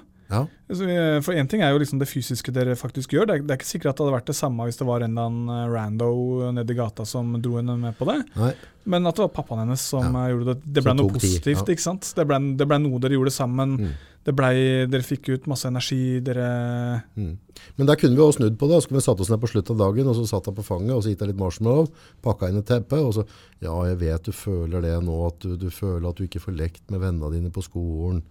Ja, ja, da kom, skal vi kose oss litt ekstra nå, for det er, det er kjett for deg, jenta mi. Mm. Hvordan forberedelse er det til livet, egentlig? Da er det bare å dra seg opp fem, og få det til å bli positivt. Hæ? Ja. Det må jo være det. Jeg, jeg, jeg tror mye er skylda på oss voksne, altså. Ja, altså Vi voksne legger jo mye grunnlag da, for uh, hvordan ting, uh, ting vil bli. Mm. Og hva slags, hva slags forventninger uh, barna vil ha. og altså, ja. Er det ikke noe forskning på dette? det er der hvis du har eh, foreldre med en eller annen sånn psykisk lidelse, Mm. så, så er de ganske godt disponerte. Men de har jo også sett handlingsmønsteret. Hver gang det er vært et eller annet, så ser de mamma få angst eller få pustegreier eller vil ikke. Eller, altså, altså, eh, det skaper en aksept for det. Ja, og ikke, bare, ikke bare gjennom det de ser, men også det de opplever. ikke sant? Uh, mamma og pappa tillater ikke følelser. Mm. Følelser er ikke lov, det skal Mm. man ikke gjøre. Mm. Føler man, så er man et eh, undermenneske eller et svakt, uh, udugelig dyr. Mm. Eh, som igjen blir en sånn det, det, det er det du blir fortalt, det er det du erfarer, det er det du opplever. Mm. Som er en umulighet. da, ikke sant? Det er som å si at uh, det er noe gærent med deg hvis du går på do. Ja, ja. Hvis du slutter å gå på do, så det tar ikke lange tida før det går gærent. Jeg er nok mer på den der på en måte som ikke har riktig så mye rom for å, få følgerier. Uh, Sjøl om jeg føler masse. Og, og, men, men igjen så er det sånn der, jeg føler at det er en sånn balanse. Mm. Jeg, jeg tror ikke jeg, tar noe, jeg føler nok at jeg tar hensyn. Men igjen så føler jeg at det skal òg være en grense på hva er det vi får lov til å sitte og føle. Hvor lenge skal du få lov til å ha kjærlighetssorg? Mm. Hvor lenge skal du få lov til å sutte på den karamellen? Ja, Det er greit, det er synd på deg nå. Du skal få lov til å ha den der egofasen, Mm. der du får lov til å være kjærlighetssorgen din, og, og sitte og tute og grine, og du skal bli sett, og jeg skal ha forståelse for deg, og jeg skal legge ting til rette, jeg skal lage litt ekstra god middag, jeg skal gjøre det litt mer koselig for deg, men et eller annet tidspunkt så må vi faen meg stoppe. Ja, det er naturlig, det. er det ikke det? Jo. Og jeg tenker jo, og følelser har vi jo hele tida. Og se sånn på det Jeg, jeg tenker eh, Sikkert med deg som med de aller fleste andre, så er det jo så er det når de følelsene, altså når følelsene på en måte virker gærlige eller går ut over andre, eller eh, Det er ofte da vi, da vi eh, stopper opp og vil, vil gjøre noe med det. det. Det er ikke som om du liksom ser dattera di er kjempeglad og så tenker du at nei, nå har du vært glad nok. Ja, nå får det, nå får det være. Nå er det nok, liksom. Ja, Du gjør jo ikke det. ja, Eller hvis hun eh, eller hvis liksom er sint fordi noen var slemme, eller noen Ja. liksom. det er naturlig å få lov til å være sint når Mm. noen har vært eh, duste med oss. Mm. Eller hvis noe ikke går helt vår vei. Det er lov å ha litt sinne. Ikke, ikke nødvendigvis så mye at det er liksom det er hele greia, fordi vi vil jo hele tida som voksne hjelpe dem med å kunne bære litt sånn blanda. Mm. mm. Bære det at eh, ja da, jeg skjønner at du er sint, men, men altså, sånn er det bare. Ting, ting er sånn nå. Jeg har jo vært veldig veldig heldig med, med unga mine. De er jo blidfiser begge to. Altså, det, altså de, de ser ikke veldig depressive ut. De, er, de er lett på tå og, og blide og trivelige jenter. Men, eh, men det må jo være grusomt for de foreldra som har et barn som ser rett og slett går tungt, har ikke lyst til å gå på skolen, har ikke lyst til å stå opp. Mm. Det, det må jo være en foreldres største mareritt. Ja, og det er vondt. Det er vondt å se at den du er glad i, er, har det kjempevondt. Det var med jente og tannlegen, og så bare, og så bare tanken på at de skal ha vondt hvis de måtte borre eller noe. Det er bare, jeg avskyr det. Liksom. Jeg, jeg har ikke lyst til å se at noen plages på noen måte. Hva gjør foreldre da, hvis du ser, altså, for dette er jo forferdelig kritisk, og det det som er så rart med barn, Mm. er jo at de lever jo så mye mer i nuet. Så på en måte hvis du tar fra, det, fra meg leka mi akkurat nå, så raser komplett hele verden min. Mm. Tar du fra meg leke der nå, så ja, men jeg har en annen en, så dette går, ikke sant? Mm. Så etter hvert som du blir voksen da, Mm. så klarer du å ta det på mer fatta måte. Ja. Men på unger så er det svart-hvitt der. Da raser det. Ja. Totalt. Og det er jo der vi prøver å, som voksne prøver å hjelpe dem, da, ikke sant? med å Fordi barn tåler begren... Altså det er grenser for hvor mye de tåler før, før liksom verden blir svart. Mhm. Eh, og det vi ønsker da, er å hjelpe dem med å, å mer eller mindre bære det. Det er lov å være litt sint, og så prøver vi å hjelpe dem med å se. Vi som foreldre vil da automatisk sette oss ned og forklare men, men det er sånn og det er sånn. Mm.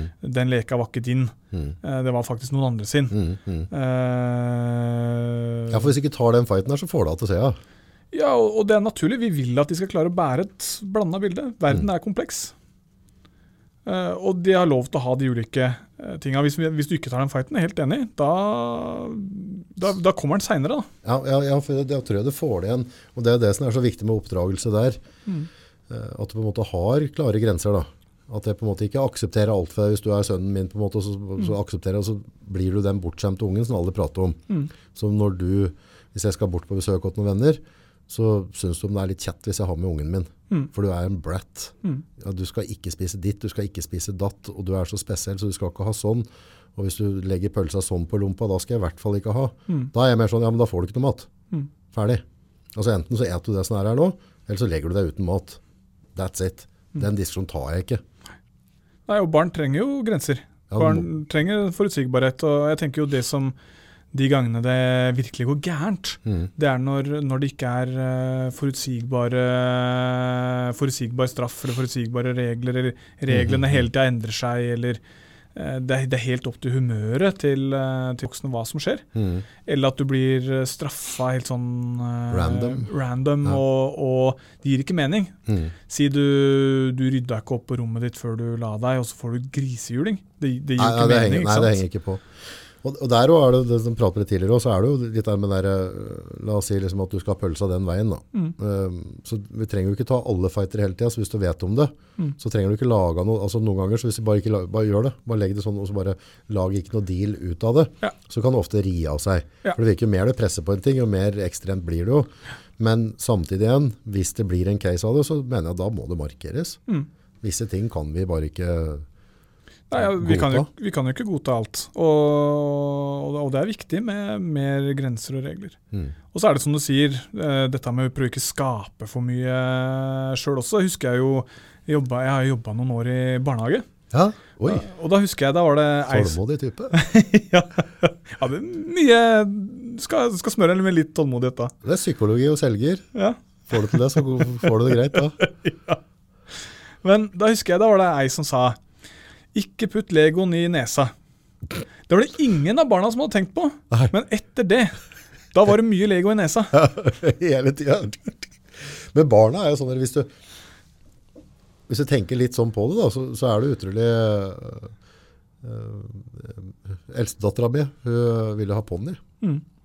Uh, Det endte opp med at jeg fikk en gullfisk og var strålende fornøyd med dealen. så det, går jo an å pakke istedenfor å si nei, håper og dritt, det blir ikke noe ponni på det. Og så kan du kan lage en deal. da. Kom, Så møttes vi på midten, eller kanskje litt nedafor. Så ble det en gullfisk. og jenta var kjempefornøyd. Ja, god deal for begge parter. Ja, det. det var helt topp. ikke det? Så det går jo an der litt på hvordan du selger inn ting. Ja, definitivt. Ja. Og så er jo det en trening i kompromiss, da.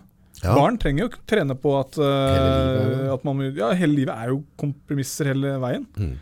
Det er uh, Jeg tipper at det har vært litt kompromiss mellom deg og kona. Ja, ja, Underveis. Ja, det blir, det blir rot av det. Og gjør jo det hele Du hele må gi seg mye. Nei. Nei, altså livet er en kompromiss. Livet er et Ja, kompromiss. du, du, altså, selv om jeg er veldig mot det der um, uttrykket 'du kan ikke få posesekk', pose Mm. for det er utgangspunktet noe piss foreldre aldri skal si til unga, for du kan få i pose og sekk. Mm. Det kommer helt an på hva du er villig til å gjøre for det. Altså Legger du nok nok tid, så får du både pose og sekk. Mm. Og bag hvis du vil det. Så ikke si det til ungene dine, er du snill. Du kan ikke få begge deler. Jo, du kan det. Men det kommer helt an på hva du ønsker å legge i det, og hvor viktig det er for deg. Ja, hvor realistisk der. Men det aller meste går. Ja. Aller meste går hvis en på en måte jobber målretta mot ting. Da. Mm. Og det er jo det du jobber med òg. At, at det er folk som sitter i en kanskje noe håpløs situasjon, og så jobber dere ut av det. Da. Mm. Men var det sånn, sånn misoppfattelser? Sånne typer som meg som har misfor... Altså, hva, er det noen spesielle ting du brenner rundt, rundt dette der? Er det ting du på en måte, når du hører folk sier det, sier det Der har dere ikke tenkt godt nok. Ja, ja, si det. Altså, en av de kanskje de vanligste misoppfatningene er jo, er jo den, den ideen om at man kan tenke seg ut av alt. Ja. Eh, den møter jeg ofte. Det hører jeg mange si, og, og jeg møter også pasienter som på en måte har den forventninga til seg sjøl.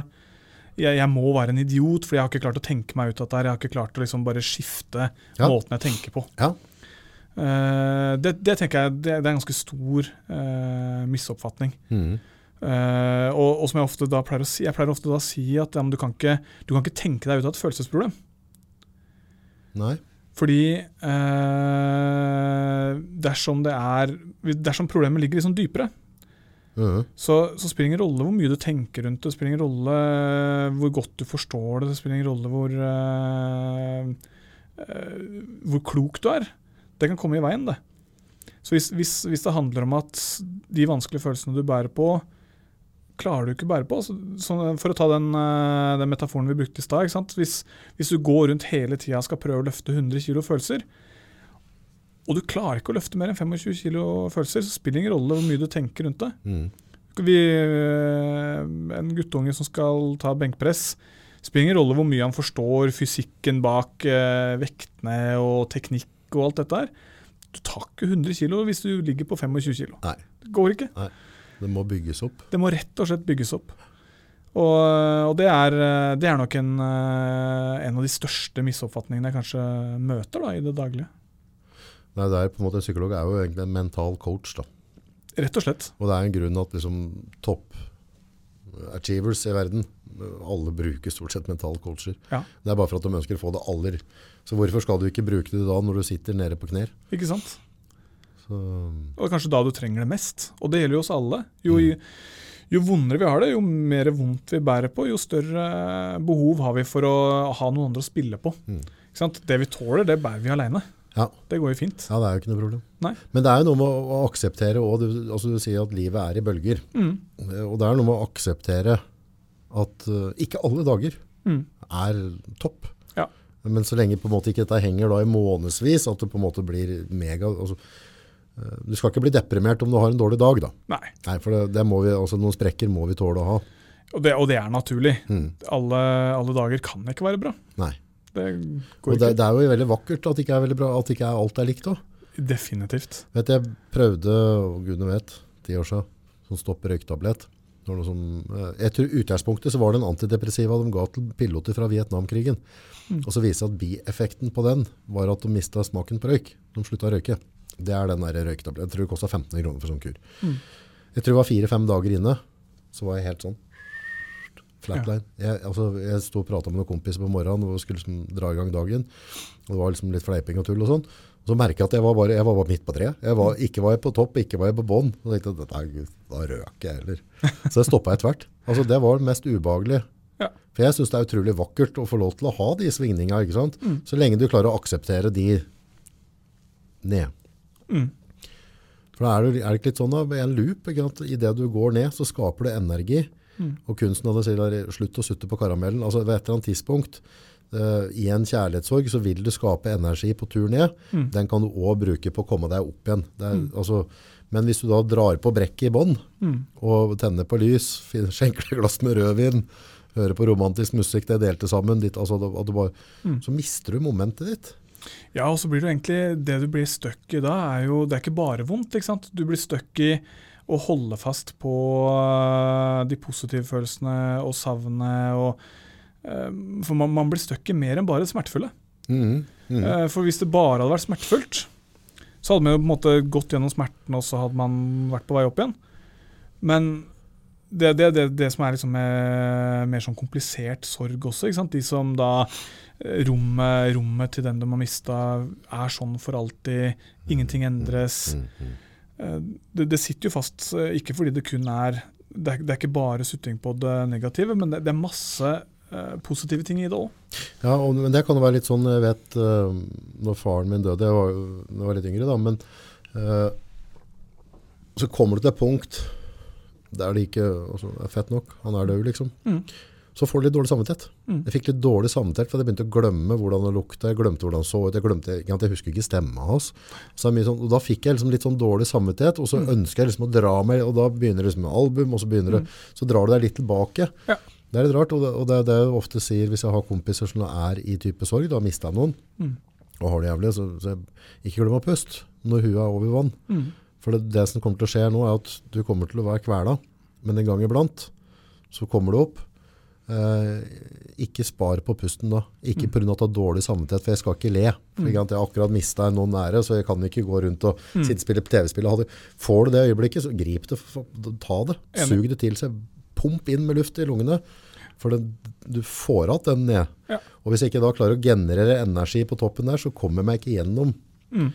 Og det er litt sånn den dårlige samvittigheten da, med at du da nekter deg eh, å føle deg happy eller gå videre. Mm. Nekter å pusse opp det rommet. Ja. Du skal holde på det. Ja. Så tror jeg du mister det momentet nede der. Altså. Ja, det blir sittende fast. Du har sementert noe istedenfor å, i for å bølge deg gjennom de naturlige følelsene som er der. Mm. For det er litt det du beskriver. ikke sant? At når det går greit, og du har liksom, det er gode følelser der, Mm. vær i det gode. Det vonde kommer igjen. Mm.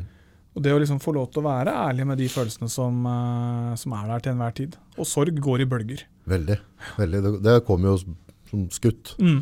Jeg husker det, det var på sånn eh, etterpålag uh, åt faren min, men igjen da så var jeg veldig ung. Men jeg fatter ikke hvorfor, hvorfor gidder om å sitte og gli. Altså det var jo så godt humør. Mm. Ikke sant? Altså, gubben har jo og det var historier. Og, men i voksen alder skjønte jeg det er en naturlig reaksjon. Mm. Da pusta folk. Da, det har vært trist nok nå. Ja. Det har vært vondt nå vi har spadd ned gubben. ikke sant? Og så får vi da muligheten til å liksom le litt, spise litt kaker, og liksom Mm. unga får lov til å rase litt. Så, så er jo det en veldig sånn naturlig sak. da. Mm. Men for meg da så skjønte jeg liksom ikke hva, hva er greia, liksom. Hva, er dette topp?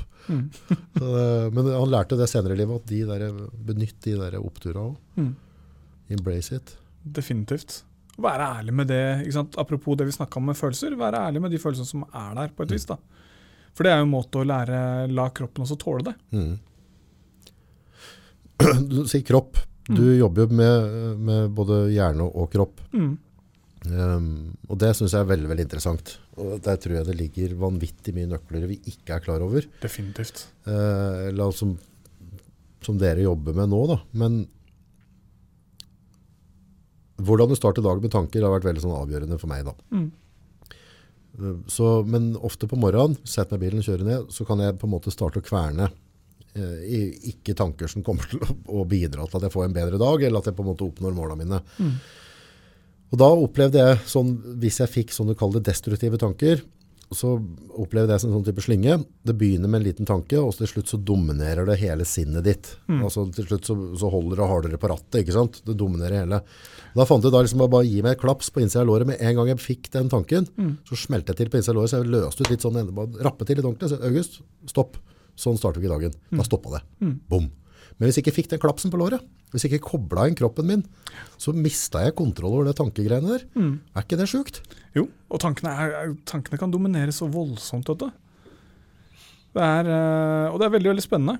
Og det du også gjorde da, var jo, var jo å, å bryte, bryte mønster, ikke bare med liksom noe fysisk, men også noe følelsesmessig, på et vis. Ja, fikk løst ut noen hormoner. Du må klappe som du kjente det. Ikke sant? Det skal jo være vondt å se Ja. av- avtrykk etter hendene dine etterpå. Ja.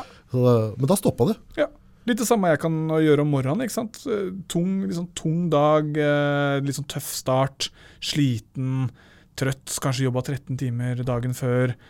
Uh, så er jeg nødt til å kjøre litt metal på morgenen. Jeg må liksom Musikk? pumpe opp liksom den der, ja. Ja, så deilig. Uh, Sånn at, jeg, uh, sånn at jeg får liksom den styrken tilbake i kroppen. Så kan jeg bryte det mønsteret. Så kan jeg liksom gønne på en ny, ny dag. Ja. Er ikke det deilig at du har muligheten til å bruke det verktøyet? Veldig deilig. For du må jo bli knekt en gang iblant. Du, du prater jo med, med folk som er i type livskriser, trenger hjelp. Så du er på en måte i et enormt serviceyrke. Mm. Uh, og det må jo tappe deg litt òg. Du må jo ha dine måter å holde deg insane. Ja, og, og verktøyet mitt er jo kroppen min på et vis. ikke sant? Når jeg jobber, jeg bruker kroppen min for å speile og, og kjenne litt på hvordan den andre har det. Eh, når jeg hører du, hører du voldsomme traumer? Så, så kjenner du på det sjøl. Ja, ja, ja. Eh, har folk det vondt, så får du vondt sjøl. Så mye skjer jo, skjer jo i, i oss. I deg, ja. Mm. Men du jobber kropp og sjel, holdt jeg på å si, eller kropp og, og, og hjerne. da. Eh, Hvordan, hvordan uttaler det seg da? Ja, det, det kan variere litt. Altså, for eksempel eh, hvis, eh, vi, hvis vi hadde snakka sammen, da, Mm. eh, og du hadde fortalt litt om hva du strever med, eller hva, hva som Mhm. er vanskelig for deg, så kunne jeg starta med å spørre hva slags følelser vekker det i deg da, når du deler det med meg. Mm. Litt avhengig av hvordan du svarer, eller hva du svarer, eller så kan jeg også spørre om ok, jeg hører du sier at det er det du føler. Mm. Hva, hva kjenner du egentlig i kroppen? Ah. Rent fysisk, hva, hva, hva er du i kontakt med der? Hva er det som eh, Prøv å beskrive alt du merker i kroppen. Alle mulige liksom, varme, kulde, stråling, energi, anspenthet, whatever. Hva merker du? Ja. Og litt basert på hva du svarer da, så, så kan, jeg, så kan vi liksom sammen da finne ut hvor går vi videre herifra. Okay. Er det sånn at sant, overraskende mange kan si at ja, jeg kjenner at jeg er sint. Så kan jeg Mm. spørre hvordan kjenner du det i kroppen. Nei, det knyter seg i brystkassa, jeg blir kald i armene, mister styrken, uh, får vondt i magen. Ja. Så kan jeg tenke hm, ok, er det, er, det, er det egentlig sinne? Ja, ikke sant? Det, det er vanligvis ikke sinne for meg, i hvert fall. Knytta noen nerver eller et eller annet, tygd Ikke tenner og... Og, det er gjerne en sånn varme som eh, Ja, går i kroppen, vi blir blir litt sterkere. Og helt riktig som du sier, knyttnevene er gjerne liksom Mm. De får litt kraft der. Mm. Uh, Så når det ikke skjer, så er det noe rent biologisk, noe nevrologisk, noe som stopper opp. Som gjør at de, de får ikke tilgang til den samme sinnefølelsen som du og jeg da har. Mm. Så da må vi finne ut hvordan kan vi jobbe med det. da, Hvordan kan vi låse opp det, sånn at det ikke sitter fast. Du må få ut sinnet, rett og slett. På en måte, eller i hvert fall ikke nødvendigvis få det ut, men i hvert fall få det eh, åpna. Ja. Eh, sånn at vi- hvis sinnet ikke får lov til å, å bevege seg helt ut i nevene, som du sier, Ja. Eh, så vil det jo si at all den krafta sitter fast et eller annet annet sted. Sitter det fast i magen? ikke sant? Tenk, tenk alt det trøkket som da tar eh, mage-tarm. Mm. Eh, eller hvis det blir sittende fast i muskulatur, går det, går det opp i hodet ditt? Blir det om til selvkritikk, f.eks.? Tenk hvis du angriper deg sjøl med all den krafta der. Ja, altså, Det er massivt. det er massivt. Jeg har sittet og sett folk, og, du kan se det når kroppen angriper seg sjøl med sinne. Du kan se muskler på halsen trykke seg inn som om de blir kvert. Kødder du med, vel? Nei. Og, du kan, og da kan jeg spørre føles det ut som du blir kvert nå. Ja, det føles ut som jeg blir kvert nå. Er- er- Hvor sterkt er det? liksom? Er det to hender? Er det én hånd? Ja, Det er som om noen står og klemmer meg med to hender. Jøsse navn. Og det, er, det kan være følelser da, som helt på kroppsnivå angriper kroppen istedenfor at de får lov til å føle det. Det er heftig. Yes. Tenk deg det. Og da, vet vi, da, da kan jeg vite ok, da er det der vi jobber. Da er det Mm. der vi må jobbe. Sinne er jo en litt sånn destruktiv ting ofte. Ja, kan være. I hvert fall når vi gjør sinne. For det er en forskjell på å gjøre og føle. Ja. Ja, ja, det er to forskjellige ting. Det for så vidt. Når du trener, for eksempel? Og, og du, får, eller du ser en film som er motiverende eller får, liksom- Rocky. Ja, ikke sant? Eye of the Tiger. Og du kjenner at åh, litt Da kraft. fikk jeg lyst til å trene. Ja, Så det går fem minutter. Ah, det er sånn fall. men den kraften er positiv. Ja. Men det du gjør med det, kan bli negativt. Ja. Ikke sant? Hvis, eh, hvis jeg blir sint, hvis noen fornærmer meg og kjenner at ah, jeg får en kraft inni kroppen min mm. Hvis jeg da velger å kline denne personen rett ned, mm. så er det veldig destruktivt. Mm. Veldig uheldig. Ja. Eh, men jeg kan jo bruke den krafta til å pumpe meg opp og tenke at ok, dette må jeg håndtere på noen måte. Mhm. Eh, kanskje gjør den krafta at jeg tar til motmæle og sier at nei, dette er ikke ålreit. Mhm. Står opp for meg sjøl. Jeg tar ikke, takk imot hva som helst. At jeg kan, Måten vi bruker sinne på, mm. kan, eh, kan spille ut. Og det, det gjelder jo alle følelser, ikke sant. Mm. Det er ikke sånn at det er ikke sånn at alle jeg liker, er nødt til å gå i en klem. ikke sant? Jeg kan være glad i folk eh, på innsida uten å måtte gjøre noe med det. Ja. Samme er det med sinne, og samme er det egentlig med alle følelser.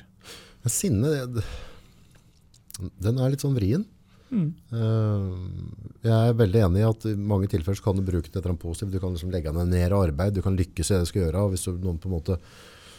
Men samtidig så er det en sånn balanse på sinne kan fort bli til hat. Ja. Og hat setter seg i cellene dine. Du Mm. blir altså eh, Jeg tror at vi alle eh, har en slags aura. Mm. En eller annen utstråling. Går det med for mye hat? Det er ikke mange som gidder å ha så jævla mye med det å gjøre. Altså. Nei. Det lukter svin. Ja. Lange veier. Altså, en sånn tanntygger. En eller annen du ser at det er up to no good. Mm.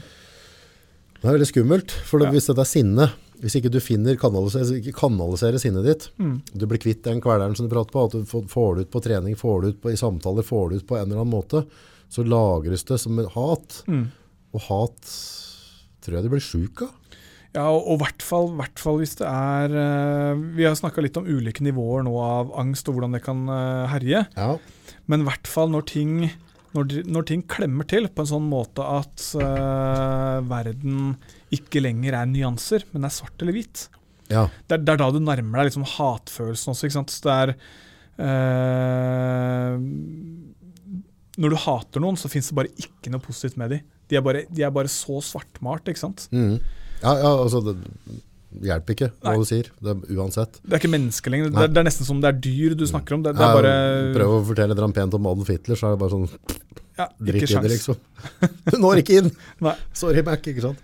Og, og spesielt den hat, hatgreia som du bare Som hele tida gnager på innvollene dine. ikke sant? Noe som du bare aldri Kan Eh. hat gnage bokstavelig talt på innvollene dine? Kan, kan det kødde til kroppen din, tror du?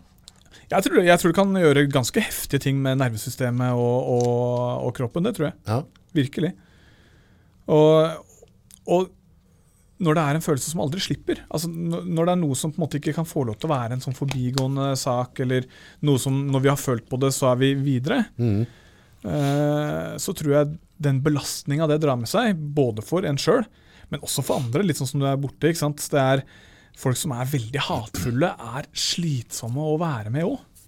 Ja, det er jo, ja, det blir, du, du er litt på edge, du går på nåler. Ja.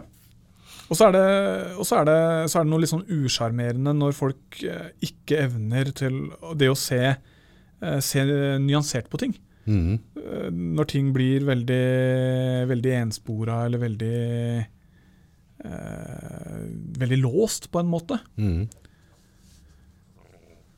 Ja, dette er, eh, dette er vrient. Jeg tror det er um, Mora mi er den som får hatet mitt. Ja. Eh, ikke noe gærlig. Altså, men, men uh, for jeg- aggresjon og hat, jeg har, veldig lite av det. Men uh, hvis jeg prater om visse ting som jeg har noen sterke følelser med hun, Mm. så kan jeg bli ganske ekstrem i talemåten min. Altså, da, er jeg ordentlig ufin. Mm. Ikke mot henne, men mot de personene jeg har et eller annet mot. Mm. Så jeg bruker huset som ventilasjon, så sånn ringer det. bare, Sorry, så bare, jeg vet det, så det går bra, sier hun. Det er ikke noe stress, ikke sant? Jeg sier jo ikke sånn til andre. Nei. Men uh, overfor henne så får jeg en sånn utventilering der da. Ja. For jeg ønsker ikke å gå rundt med hat. Nei. Men innimellom så, så føler jeg at noen folk gir meg grunn til å hate dem. Mm. Men så vet jeg at det er bare jeg som kommer til å tape på det uansett. Jeg, altså, de vet jo ikke at jeg hater dem engang. Men hat, men begynner stort sett begynner hat med sinne, tror du? Sinne du ikke får ut? Ja, jeg, altså øh, jeg, jeg er på et litt sånn tynt grunnlag, men jeg kan si litt om hva jeg tenker, øh, tenker rundt det. Ja. øh, uten at jeg har lest sånn kjempemye på det eller tenkt kjempemye på det.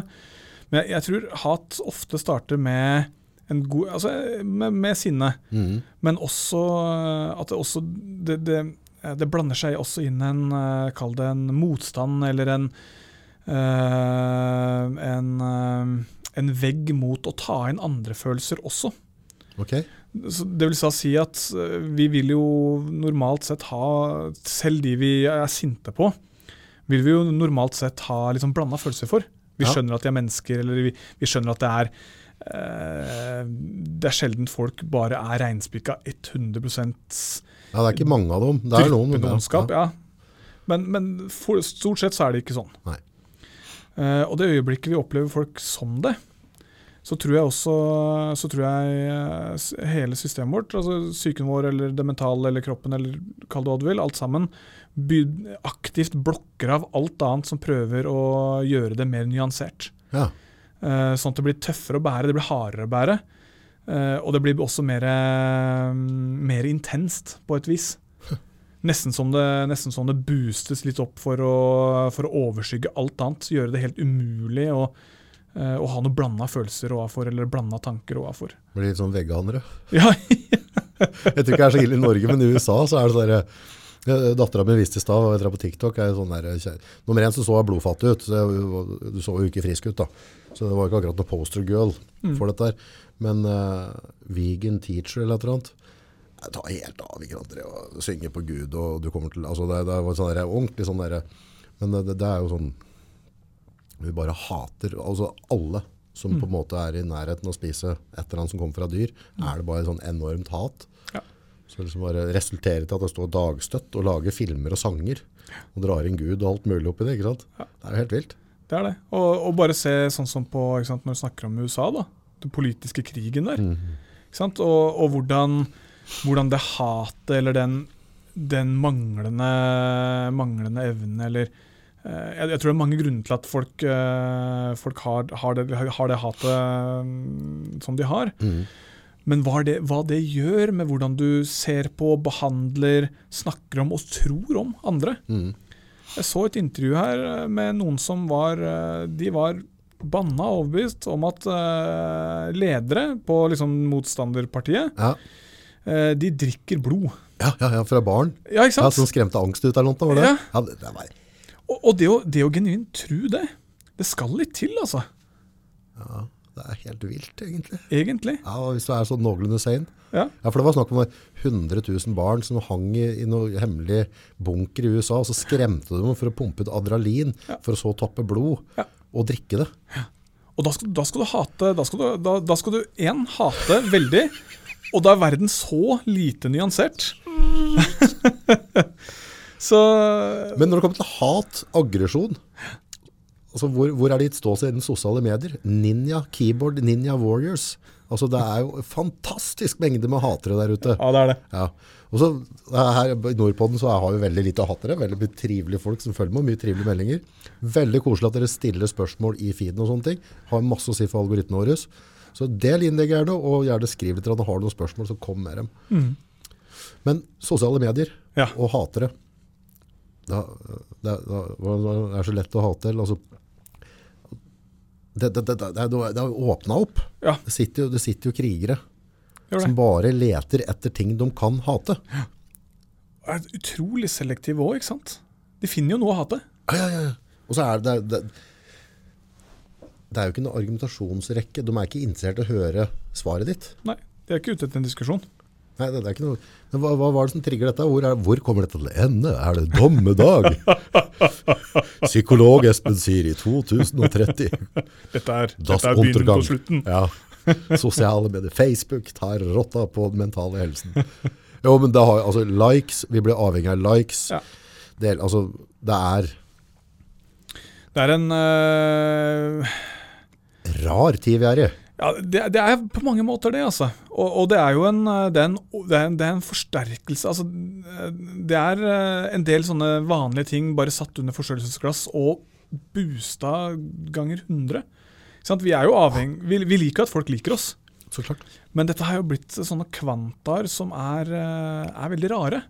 Og, og man lever et parallelliv hvor det man legger ut på Facebook eller det man legger ut på sosiale medier, skal eh, reflektere et eller annet som kanskje ikke engang samstemmer med virkeligheten. Ja. Har jo sett mange, mange eksempler på det. Folk som har eh, retusjert eller faka bilder ikke sant? på ferieturer og alt mulig rart. Ja, sånn, så, så jeg legger ting, så smiler jeg sånn. Jeg er egentlig forbanna sur hele tida. Negativ. Håper på noen likes, da. Nei, men, men spesielt det med å respondere i negativ retning. Mm. Eh, og jeg, jeg tror eh, 70-80 Facebook-kontoer er det jeg er med som administrator, for vi driver med markedsføring. Ja. Eh, som primært på sosiale medier for masse forskjellige bedrifter. Mm. Så jeg vil si at jeg har jo da, jeg får jo varsler på, på masse bedrifter, og mye kommentarer. Og noen ganger så blir det bare, hva pokker er det som driver han der egentlig? Når, når ble dette, altså, er, er dette en underforliggende mentale sykdommer som, som får lov til å blomstre? For det er piss negativt. Det er ikke noe positivt ved det i hele tatt. Han kunne bare liksom holdt kjeft. Mm. Det er ikke noe vits å kommentere det engang. Ja, jeg, jeg, jeg, tror det er en god blanding. Det kan godt være det. Uh, men jeg vet, uh, vet jo Det har blitt gjort litt sånn ulike studier, og, og det er folk som på en måte har forska litt på dette her. Én tror jeg er, eh, det er jo, jo mindre jo mindre menneskelig det er, det du på en måte skriver om, eller det du opplever. Altså jeg tipper at, uh, Har du sett det Trolljegerne, det der, eh, Nei. svenske programmet? Jeg har hørt om det, men jeg har ikke sett det. Nei, for det er litt sånn fascinerende. Okay. Der har de jo oppsøkt uh, hatere. Folk som legger inn helt Oi, horrible ting på nett. tøft. Og- Den må jeg se. Den anbefales, det er veldig interessant. Ja. Og det øyeblikket de da må stå face to face med et men- annet menneske, en person som ansvarliggjør de på dette her, Ja. så er det veldig mange som trekker seg litt, og ja, sorry, og nei, det var ikke meninga, og jeg, ja, jeg skjønner jo det at du er en annen person. Og det er som om det øyeblikket man tvinges til å forholde seg til at det er et menneske du snakker om, eller et menneske du skriver om, eller det er en annen person, ja. når det ordentlig går opp for deg, så er det ikke sikkert at uh, Da er det ikke like lett å stå for uh, det hatefulle som du, uh, som du lirer av deg. da. Litt det samme som road rage. ikke sant? Det er, det er veldig lett å være sint på trafikken, fordi det er ikke, du er ikke sint foran på en person. Nei. Uh, du, er, du er sint på noe, noe trafikk, eller det Ja, så er du jo er du allerede i en, uh, i en situasjon der det er high alert, du ligger 100 km i timen. Ja. Altså, du, du er allerede liksom Ja. litt ute i krigen, da. Ja, og det, det kan være at de er hjemme også. ikke sant? For tida til å liksom De har fyret seg opp, de har lest noen artikler om et eller annet, og så, Ja. og så er veien så kort ikke sant, til å bare legge ut uh, Det blir samme som jeg mange ganger ikke kjefta på unga da jeg egentlig skulle ut med kos. De har skremt meg og gjort et eller annet som var jævla dumt, og så er jeg redd for at de skal skade seg. Så resulterer det i sinne. ikke sant? Ja. Det er jo helt altså, idiotisk. Ja. Du skulle ta- tatt det som prat, liksom. Dette var bra, gikk bra, liksom, men neste gang dette kan vi ikke. Absolutt. Men tror du dette mediet vi har nå i dag trigger en gruppe mennesker? For dette blir jo veldig, veldig usunt. Mm. Uh, og så er det, det er en tosida kniv der. Nå sitter vi og lager en podkast. Mm. vi begge er oppegående nok til å skjønne at dette vi gjør oss offentlige, tankene våre offentlige.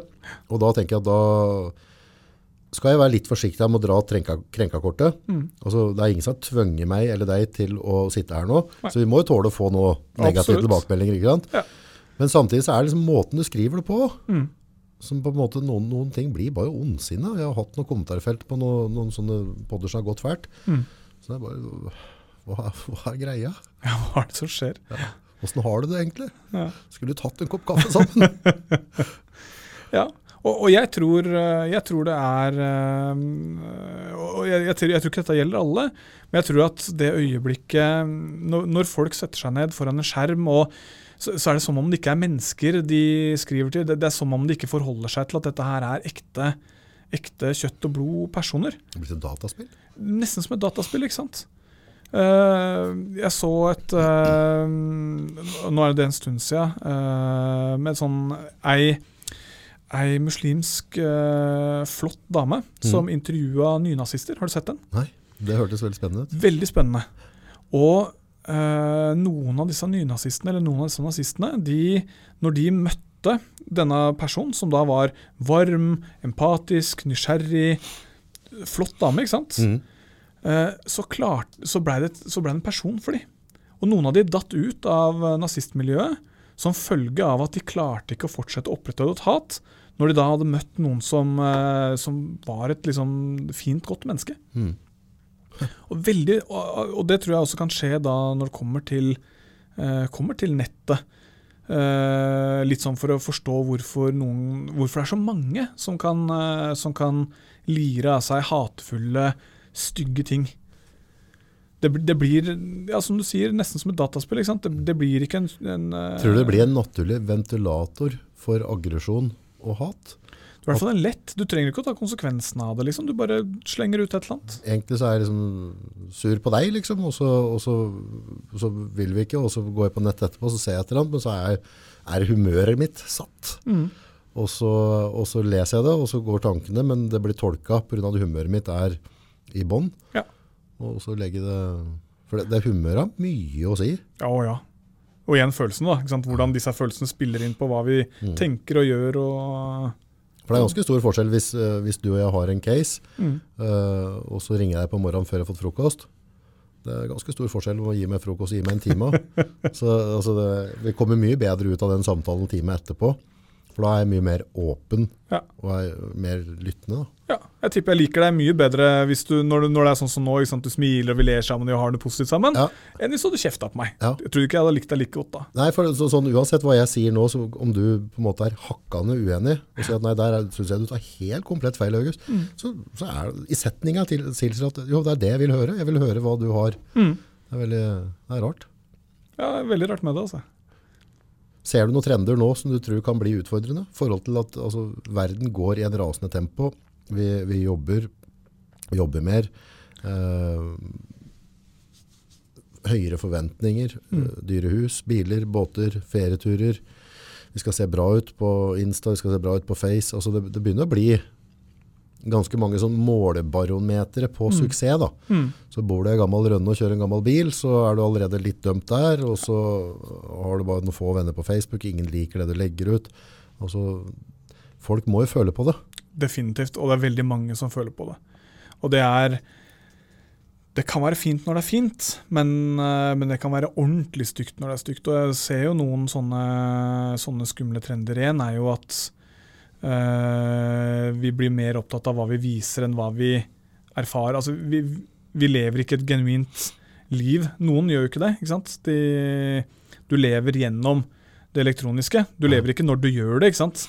Jeg sitter ikke her og, og, og spiser en kake eller koser meg litt med dette fordi jeg koser meg, men jeg tar en bit av det fordi nå skal jeg ta bilde av dette her, og det skal bli sånn eller sånn.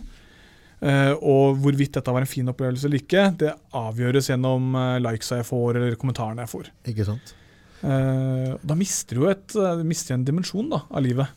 Jeg så det var, eh, For noen år siden så var jeg et eller annet sted og filma, og så i Sognefjorden eller noe, kom det inn en sånn eh, båt. Står det masse turister. Eh, To, tre, fire stykk. Jeg tror jeg telte to eller tre jeg, altså, ikke sto Mm. med telefon. Alle, alle, alle opplevde Sognefjorden gjennom telefon. ikke sant? I stedet for å ta det telefonen, hva var det jeg ser for noe? Hvordan lukter dette her? Åssen er det? Åssen følelse får jeg? Alle var gjennom telefon. Mm. Vi blir veldig, veldig digitale. da. Vi har blitt veldig digitale. Og jeg jeg har jo et håp, eller det er jo også en, eh, noen sånne trender som svinger litt sånn andre veien også. Folk som på en måte blir opptatt av at vi skal erfare òg. Ja. Eh, hvor eh, man har, når vi som har en sosial kveld, så skal alle legge telefonen sin i kurven, eller mm. Det er en del sånne, sånne motreaksjoner som kommer. Mm. Så jeg håper jo at det er med på å korrigere litt òg. Mm. Mhm. Eh, for jeg tror at på et eller annet tidspunkt så blir det så riv ruskende gærent for så mange av oss at vi klarer ikke å tillate det. Eh, det er jo litt sånn som uh, vår generasjon også vokste opp når uh, TV-spill og sånn kom for, uh, for full maskin. Ja. Og jeg vet ikke om du husker hvor redde folk var for at dette her var liksom nå, er- nå er menneskeheten dømt. Nå kommer alle ungdommer til å spille. Nå kommer alle Spille seg inn i døden. Ja, ikke sant? Ja. Men det skjedde ikke. Nei, det gikk bra. Det gikk bra. Men dette har vi drevet med før òg. Ja. Men før TV-spill, før Facebook For det, jeg, var, jeg var på et eller annet lag, og så var verten der, så uh, uh, var det sånn Her var det Nå møtes vi, og nå er det ikke noen telefoner. Mm. Det er regelen. Og så går gamlefar bare, Jeg kommer at jeg må bare inn, for nå er det fotballkamp. ikke sant? Så gikk han vekk fra laget for å se på fotballkampen. Ja. Uh, vi, er, vi er vokst opp med det på en måte at uh, foreldrene våre Nå er det nyheter. Mm. Zip it, kids. ikke sant? Og det, det har ikke noe å si. Julaften kommer et eller annet på globoksen. Mm. Ja, da stopper feiringa. Vi går og setter oss og ser på globoksen. Så det ligger jo en sånn misbruker i oss uansett. Å ja. Avistida, da. Har du Ikke sant. Eh, det var, avisen hadde pri. Ja, ja, ja.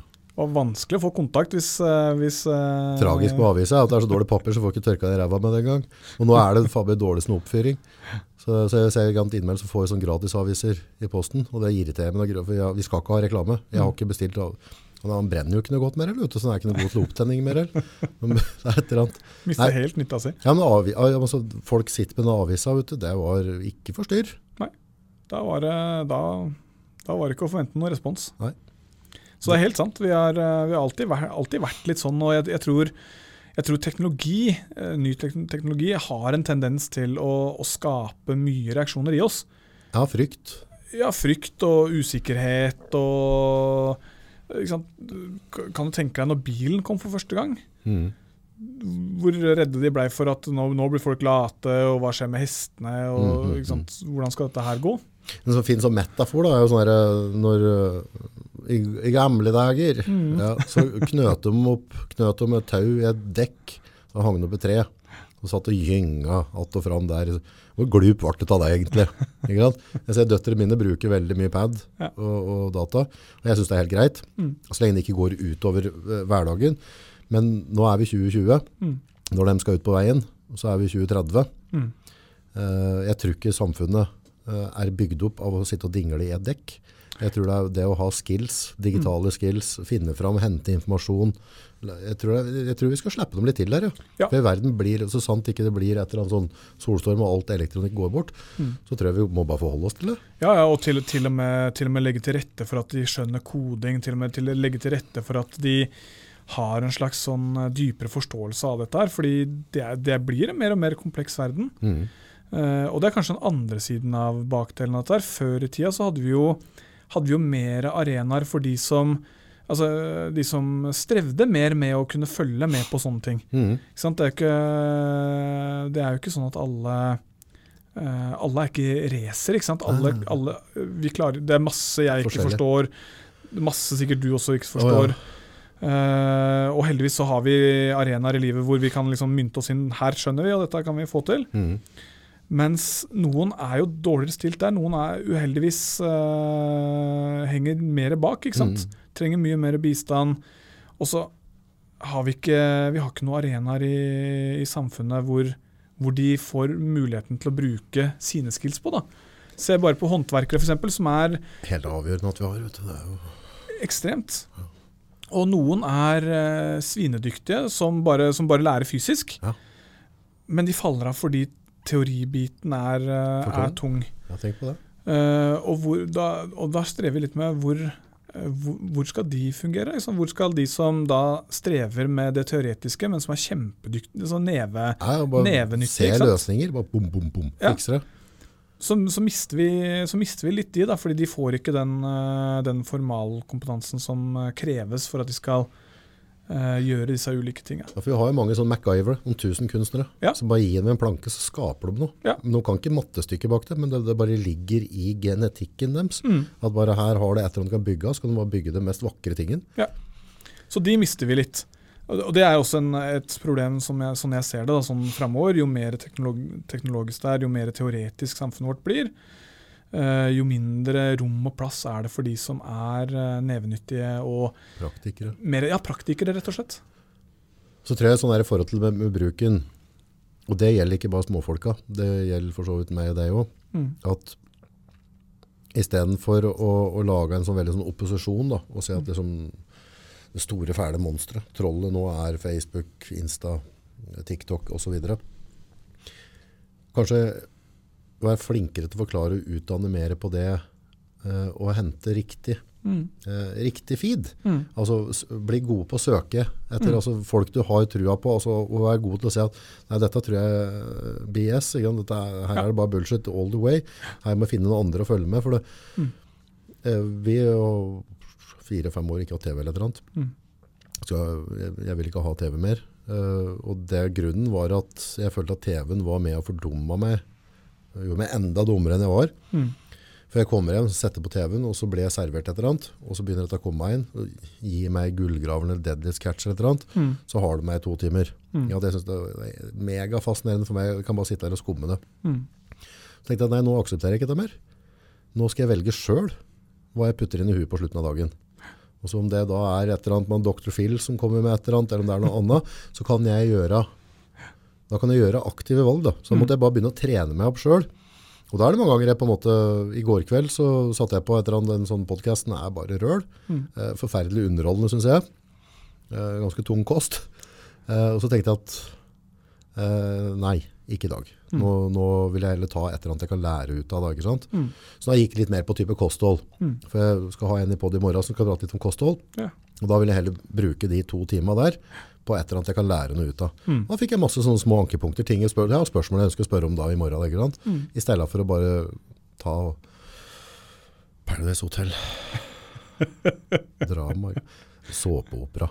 Ja. Når var det bra? Altså intriger, drama, hyl, skrik. Folk som lurer hverandre. Altså glamour og alle disse greiene som folk så på. De preppa jo huet sitt med, med, med skumle ting. Intriger. Mm.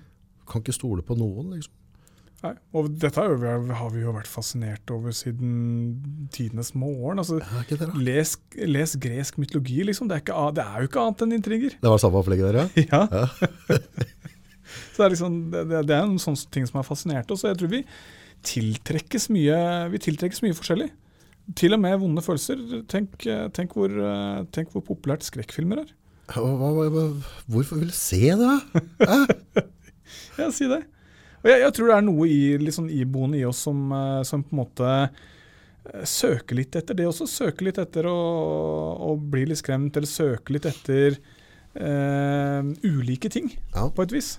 Men dette reflekterer jo inn i skalla våre så. Ja. For øh, hvis, øh, hvis vi skal ut i et eller annet ukjent i morgen, da, Mm. skal, vi skal oppleve noe nytt eller et eller annet, så tror jeg veldig mange skaper en film. Altså på en måte, en, hva, hva kan jeg forvente, hva skal jeg oppleve? Mm. Og, og i veldig mange tilfeller så har vi en tendens å klippe den litt småskummel. Mm. Istedenfor, og, og da allerede når vi går inn i en ny situasjon i morgen, så går vi litt Mm. kløa litt ut, ikke sant? så er vi litt sånn allerede. Mm. Istedenfor å klippe den, bare ikke lag en thriller, er du snill. Mm. Da, la, lag et eller annet romantisk litt koselig her nå, så kanskje du kan se at det får et annet utfall i morgen. Vi har en tendens, altså Hjernen vår har en tendens til å dramatisere Mm. og sette ting på høykant. Har det.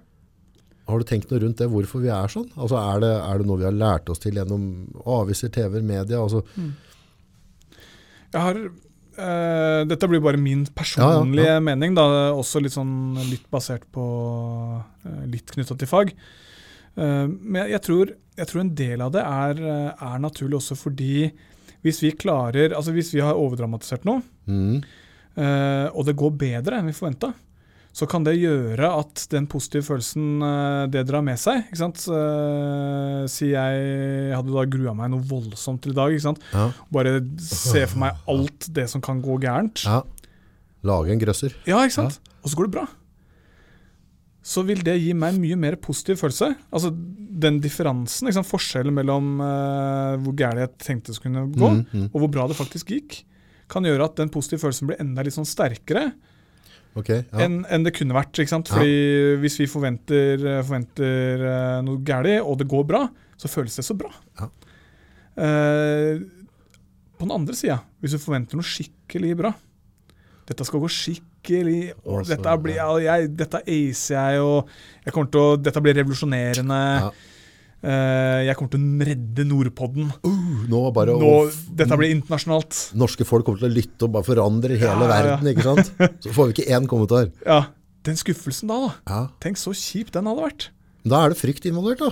Da er vi redd for den der skuffelsen, så på en måte i det klipper vi en dårlig story. Ja. For, altså, da, men går vi ikke da litt med halve benet inn i situasjonen? Vi kan gjøre det. Ja. Uh, vi trenger jo ikke gjøre det. Hvis, hvis, den, hvis, hvis, det er, hvis det blir paralyserende, altså hvis den, eh, hvis den horrorstoryen der sånn blir så gæli at jeg fryser helt til, ja. så uh, så går du jo, så vil du gå halvhjerta inn det, og, og, du vil på en måte sabotere for deg sjøl. Mm.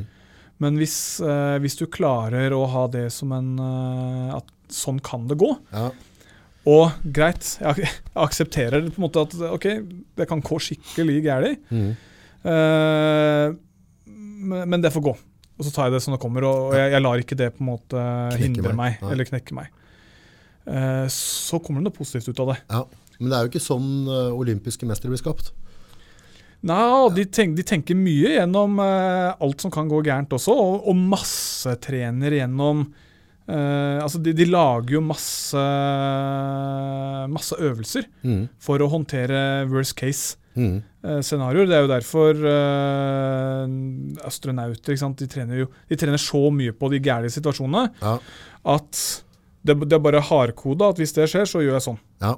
At det automatlegeme slår inn. Ja. Det er samme som du, når du, du trener kampsport. ikke sant? Ja. Det er automatlegeme. Jo mer du trener, Kamp så sitter det bare. Ja. Når det kommer en arm, så Og, og da trener du på worst case. ikke sant? Og Ja. Du trener såpass mye på worst case at hjernen liksom kan ta det litt av seg sjøl. Det, det går automatisk. Ja.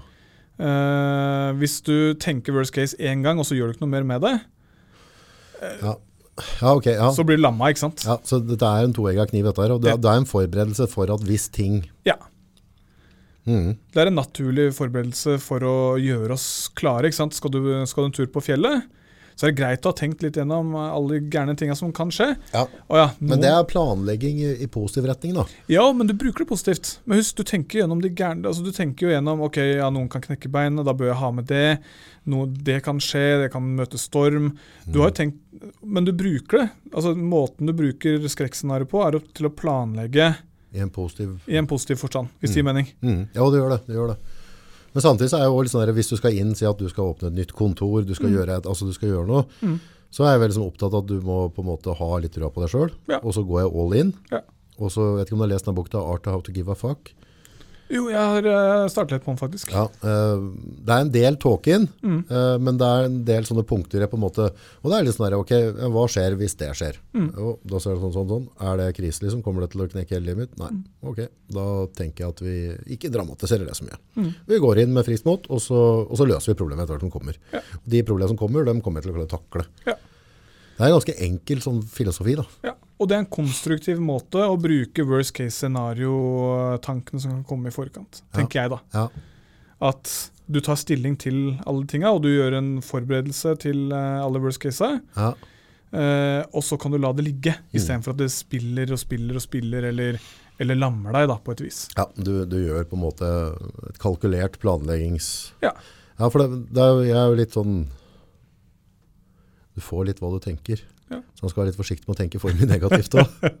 det er lett for å trekke til seg litt sånn derre uh, Jeg opplever i hvert fall det veldig. Mm. At jeg har en tendens til å få det jeg tenker. Ja. Jeg, på en måte tenker jeg sunt og positivt. Så, så har liksom lett for at ting detter, detter på rette bilder. Da. Ja. Klart det, det ville være veldig dumt å tenke positivt, og så går vi opp Trollstigen eller, altså, eller et eller annet Dovrefjell Ja. og ikke har kledd oss. Nei, det blir sikkert fint. Altså. Så han må jo på en måte ha et sunt forhold der òg, da. ja, ikke sant? Ja. Og, og, det, og det er den balansegangen igjen sant? Som, eh, som blir viktig. Mm. Uh, og det er litt interessant det du sier der. Jeg, sist gang jeg gikk Besseggen, oh, ja. uh, nei, kanskje ikke sist gang, men en av de siste gangene jeg gikk Besseggen, så, så var det ei dame som prøvde å dra med seg barnevogna over. Og ikke bare det, i høyhælte sko. Nei, Jo, jo, jo. da, dama er positiv. Dama er veldig positiv, da. Ja. Hun kom ikke over, tror jeg. Nei. Da, da er det hatten av, da er jeg ganske imponert. Ja, ja. Det tror jeg ikke går. ja, klart, da, da drar vi det over i destruktive. Ikke sant? Da, da, var det, da, er det, da har det vært eh, null eller veldig lite tanker på liksom, hva, hvordan er dette her, eh, hvordan kan dette gå, hva kan gå gærent hvis jeg gjør sånn, hvis jeg gjør sånn. Mm. Eh, så det blir den andre retninga igjen. ikke sant? Null, uh, Ja. null tanke over hva som kan gå gærent. Såpass at du fucker opp hele turen da, gjennom at du ikke har tenkt gjennom. Det er jo litt som du prater på helt på den der balansen, da, yin og yangen der i livet. Ja. Altså finne her som finne, for det, Du kan jo dra det for langt. Ja. Jeg syns det er veldig naturlig hvis jeg går inn på et sted der det er mye folk, jeg har med unga, at jeg på en måte merker meg rømningsveier og sånne ting. For jeg vil ikke være av den klovnen som står der og ikke vet hva jeg skal gjøre hvis det skulle gå ad undas. Mm. Så jeg ligger bare naturlig. Mm. Men samtidig så er det ikke sånn at jeg får noe angst for å gå på de stedene. Jeg, jeg drar på de stedene, men jeg liker å være så forberedt jeg kan være. Mm. Det, men, men, jeg ser jo den at det kan jo fort gå at det blir ekstremt. Ja. Det er noen som knyter seg veldig opp i det. Kan det. Som lar det påvirke dagen. Ja, for Jeg selv er jo litt sånn, eh, jeg har en sånn tendens til å først tenke negativt. Ja. Først liksom tenke å, alle de tingene som kan gå gærent tenke over uh, alle, de alle feilene jeg kan gjøre. For jeg, jeg, er jo ganske godt klar over uh, at jeg er et menneske som gjør mye feil. Ja, ja. Det er, er, ikke det å være menneske? Det er det å være menneske. Ja. Så, så, jeg tenker gjennom, de, tenker gjennom liksom, uh, worst case først. Alltid. Ja. Heldigvis så låser jeg meg ikke der. heldigvis, så, så, etter å ha tenkt flere ganger, så kan jeg liksom tenke ok, hvis det er worst case, hva kan jeg gjøre med det? Mm. Hvis det er worst case, hva er det verste som kan skje? Kan jeg akseptere det, liksom? Kan jeg, kan jeg tåle worst case? Ja. Gjør det, så gunner jeg på. Stort sett så gunner jeg på. Kan det være forskjellen på å ha angst eller ikke angst? Ja, eller det kan ha evnen på å på en måte tenke over worst case, liksom? Ja, ja, det kan det være. Og også litt hvordan, hvordan du Angsten kan jo For mye angst kan gjøre at du ikke blir så fleksibel i hodet. Altså, øh, det vil si Låser det seg? Ja. Mye angst gjør jo det, det, kan du se helt sånn eh, kjemisk. Masse angst i hodet gjør at det er eh, store deler av hjernen du ikke får brukt på samme måte. Det er masse som ikke er like tilgjengelig. Så angst låser deg. Altså masse angst. Du blir ikke mer intelligent av angst, for å si det sånn. Nei, Så du mister verktøyet ditt? Mister verktøyet ditt.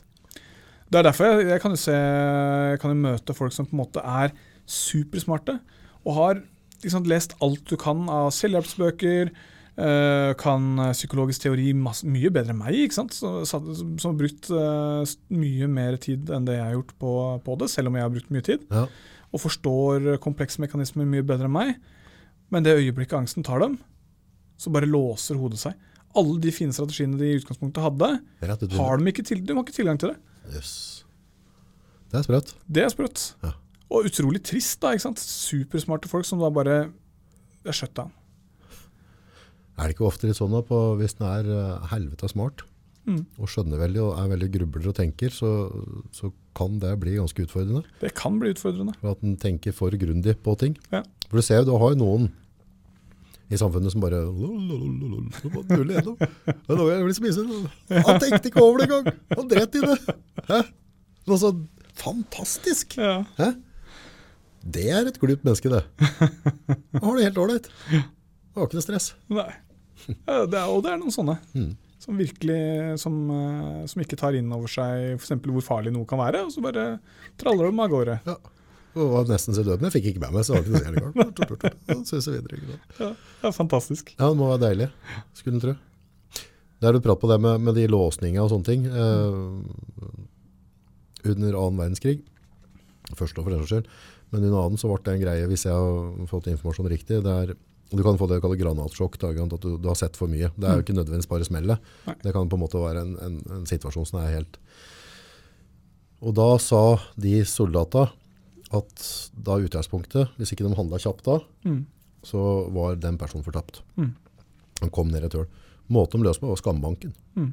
De banka han opp. Altså Kompisene dine bare ga deg en sånn omgang juling som du hadde flaks om tenna var igjen. Og det var nok til at du ikke havna i det. Mm. Altså De ga deg fysisk så mye juling til at du kom ut av det hølet, og så reiste du opp og så var Soltatt videre. Ja, jeg har hørt det. Er ikke det sjukt? Jo. Og jeg har, jeg har én teori på det, faktisk. Ja, det uh, og det er uh, Sånn jeg ser angst, da, mm. uh, så ser jeg angst som et Kall det et slags tårn. Angst går gjennom først anspenthet, muskulatur, ja. magetarm, slapphet, kollaps. Uh, hodeangst, som er tåkesyn, piping i øra, svimmelhet, tankemos, problem med å, å, tenke. Og så har du øvre nivåer av angst, eh, som, går, som, er så høyt at kroppen ikke lenger aksepterer å bære alt på innsida, så verden blir svart eller hvit. Ok, ja, du, du, kan ikke føle mer på det, for da knekker du? Ja, ikke sant. Ja. Eh, så hvis du er i en sånn skjellsjokk, da, ikke sant? du bare er i en sånn komatøs tilstand, Eh, og det å, liksom, det å da presse opp systemet til å uh, ikke lenger bære alt på innsida, men at verden bare blir svart-hvitt. Krystalliserer seg, liksom. Og da, da kan du fortsette som soldat, sånn jeg tenker det. Ja. Du tvinger i gang den soldatbryteren. Du slår på, hvis ikke du stepper opp nå, så dør du. Ja. Enkelt og greit, og, og de gjør det veldig reelt med at du får vondt. Og så, Ja, og alt annet da, og da kobles, da er det veldig mye som kobles ut, sånn jeg ser det. Det er masse som kobles ut. Eh, opplevelser som kobles ut, minner, det du har sett, de vanskelige følelsene, frykten, alt dette bare kobles vekk. Og så er, så er du crisp og klar og Back in business. Back in business. sånn Men, har jeg ikke tenkt på det. men i etterkant, da.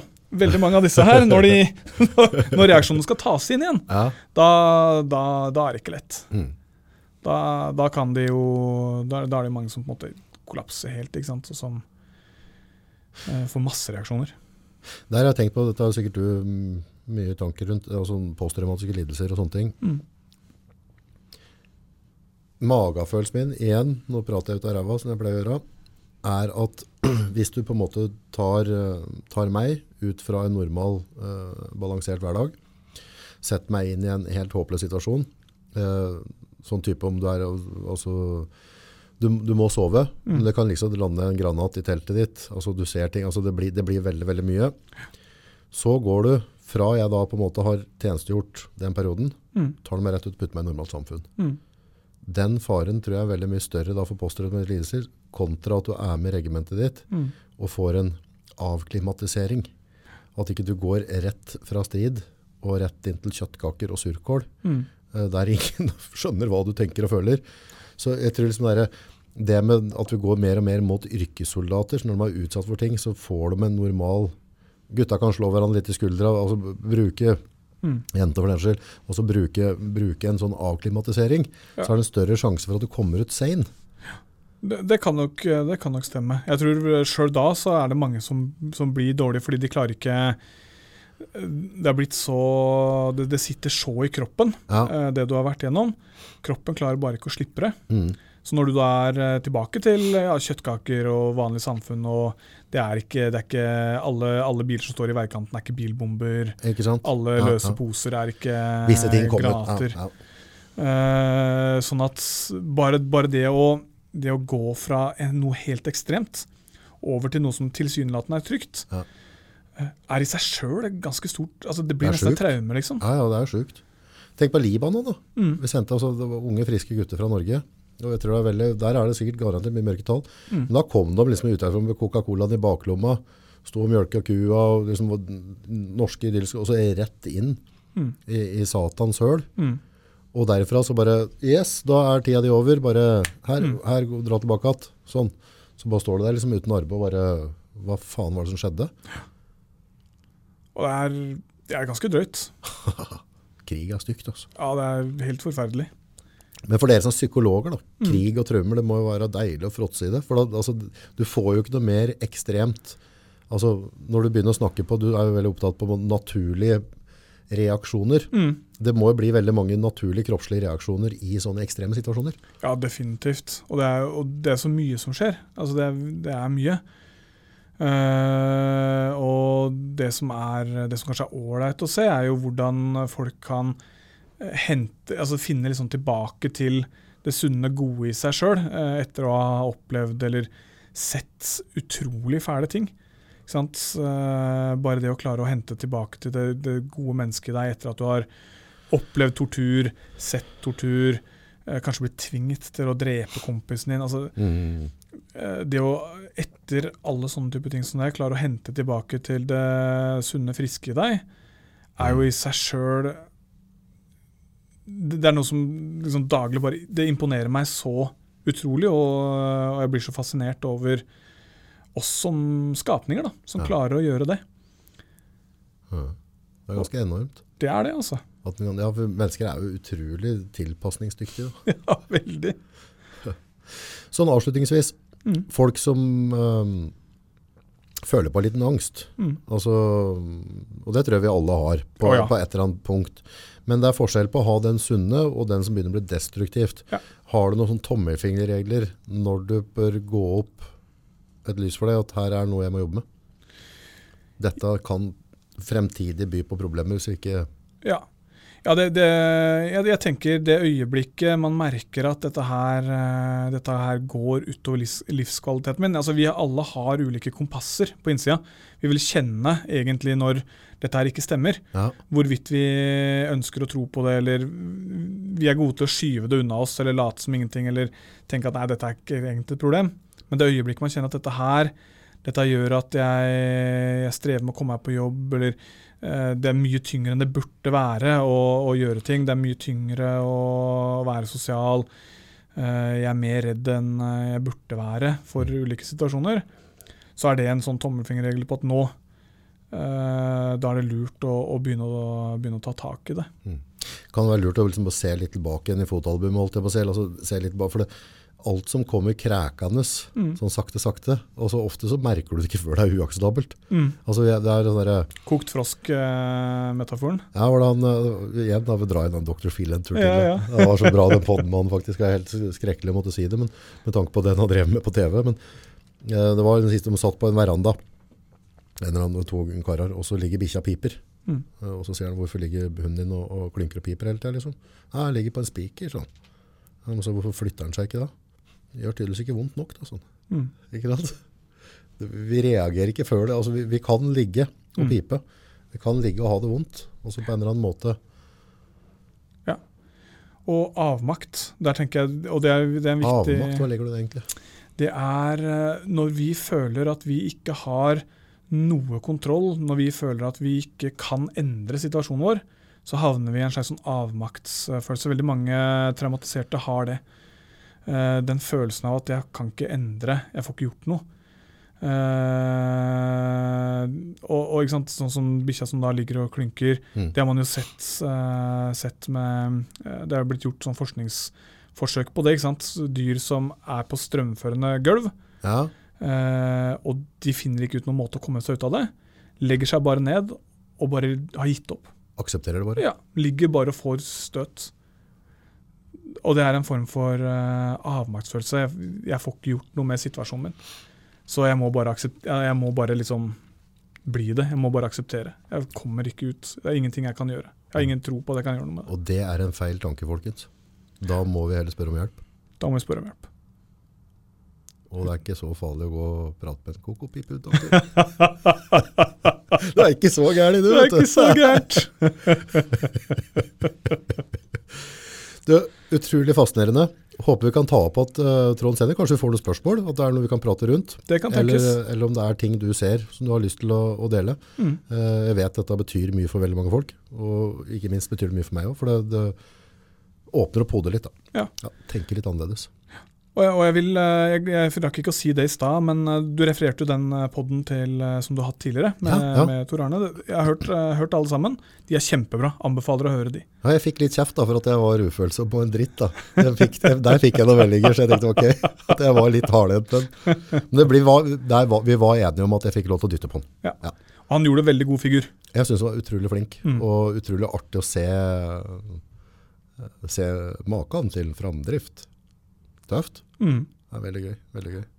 Enig. Tusen hjertelig takk. Og så må du ha en knakende fin dag videre. Jo, tusen takk. I like måte. Og lykke til i den gode jobben din. Takk.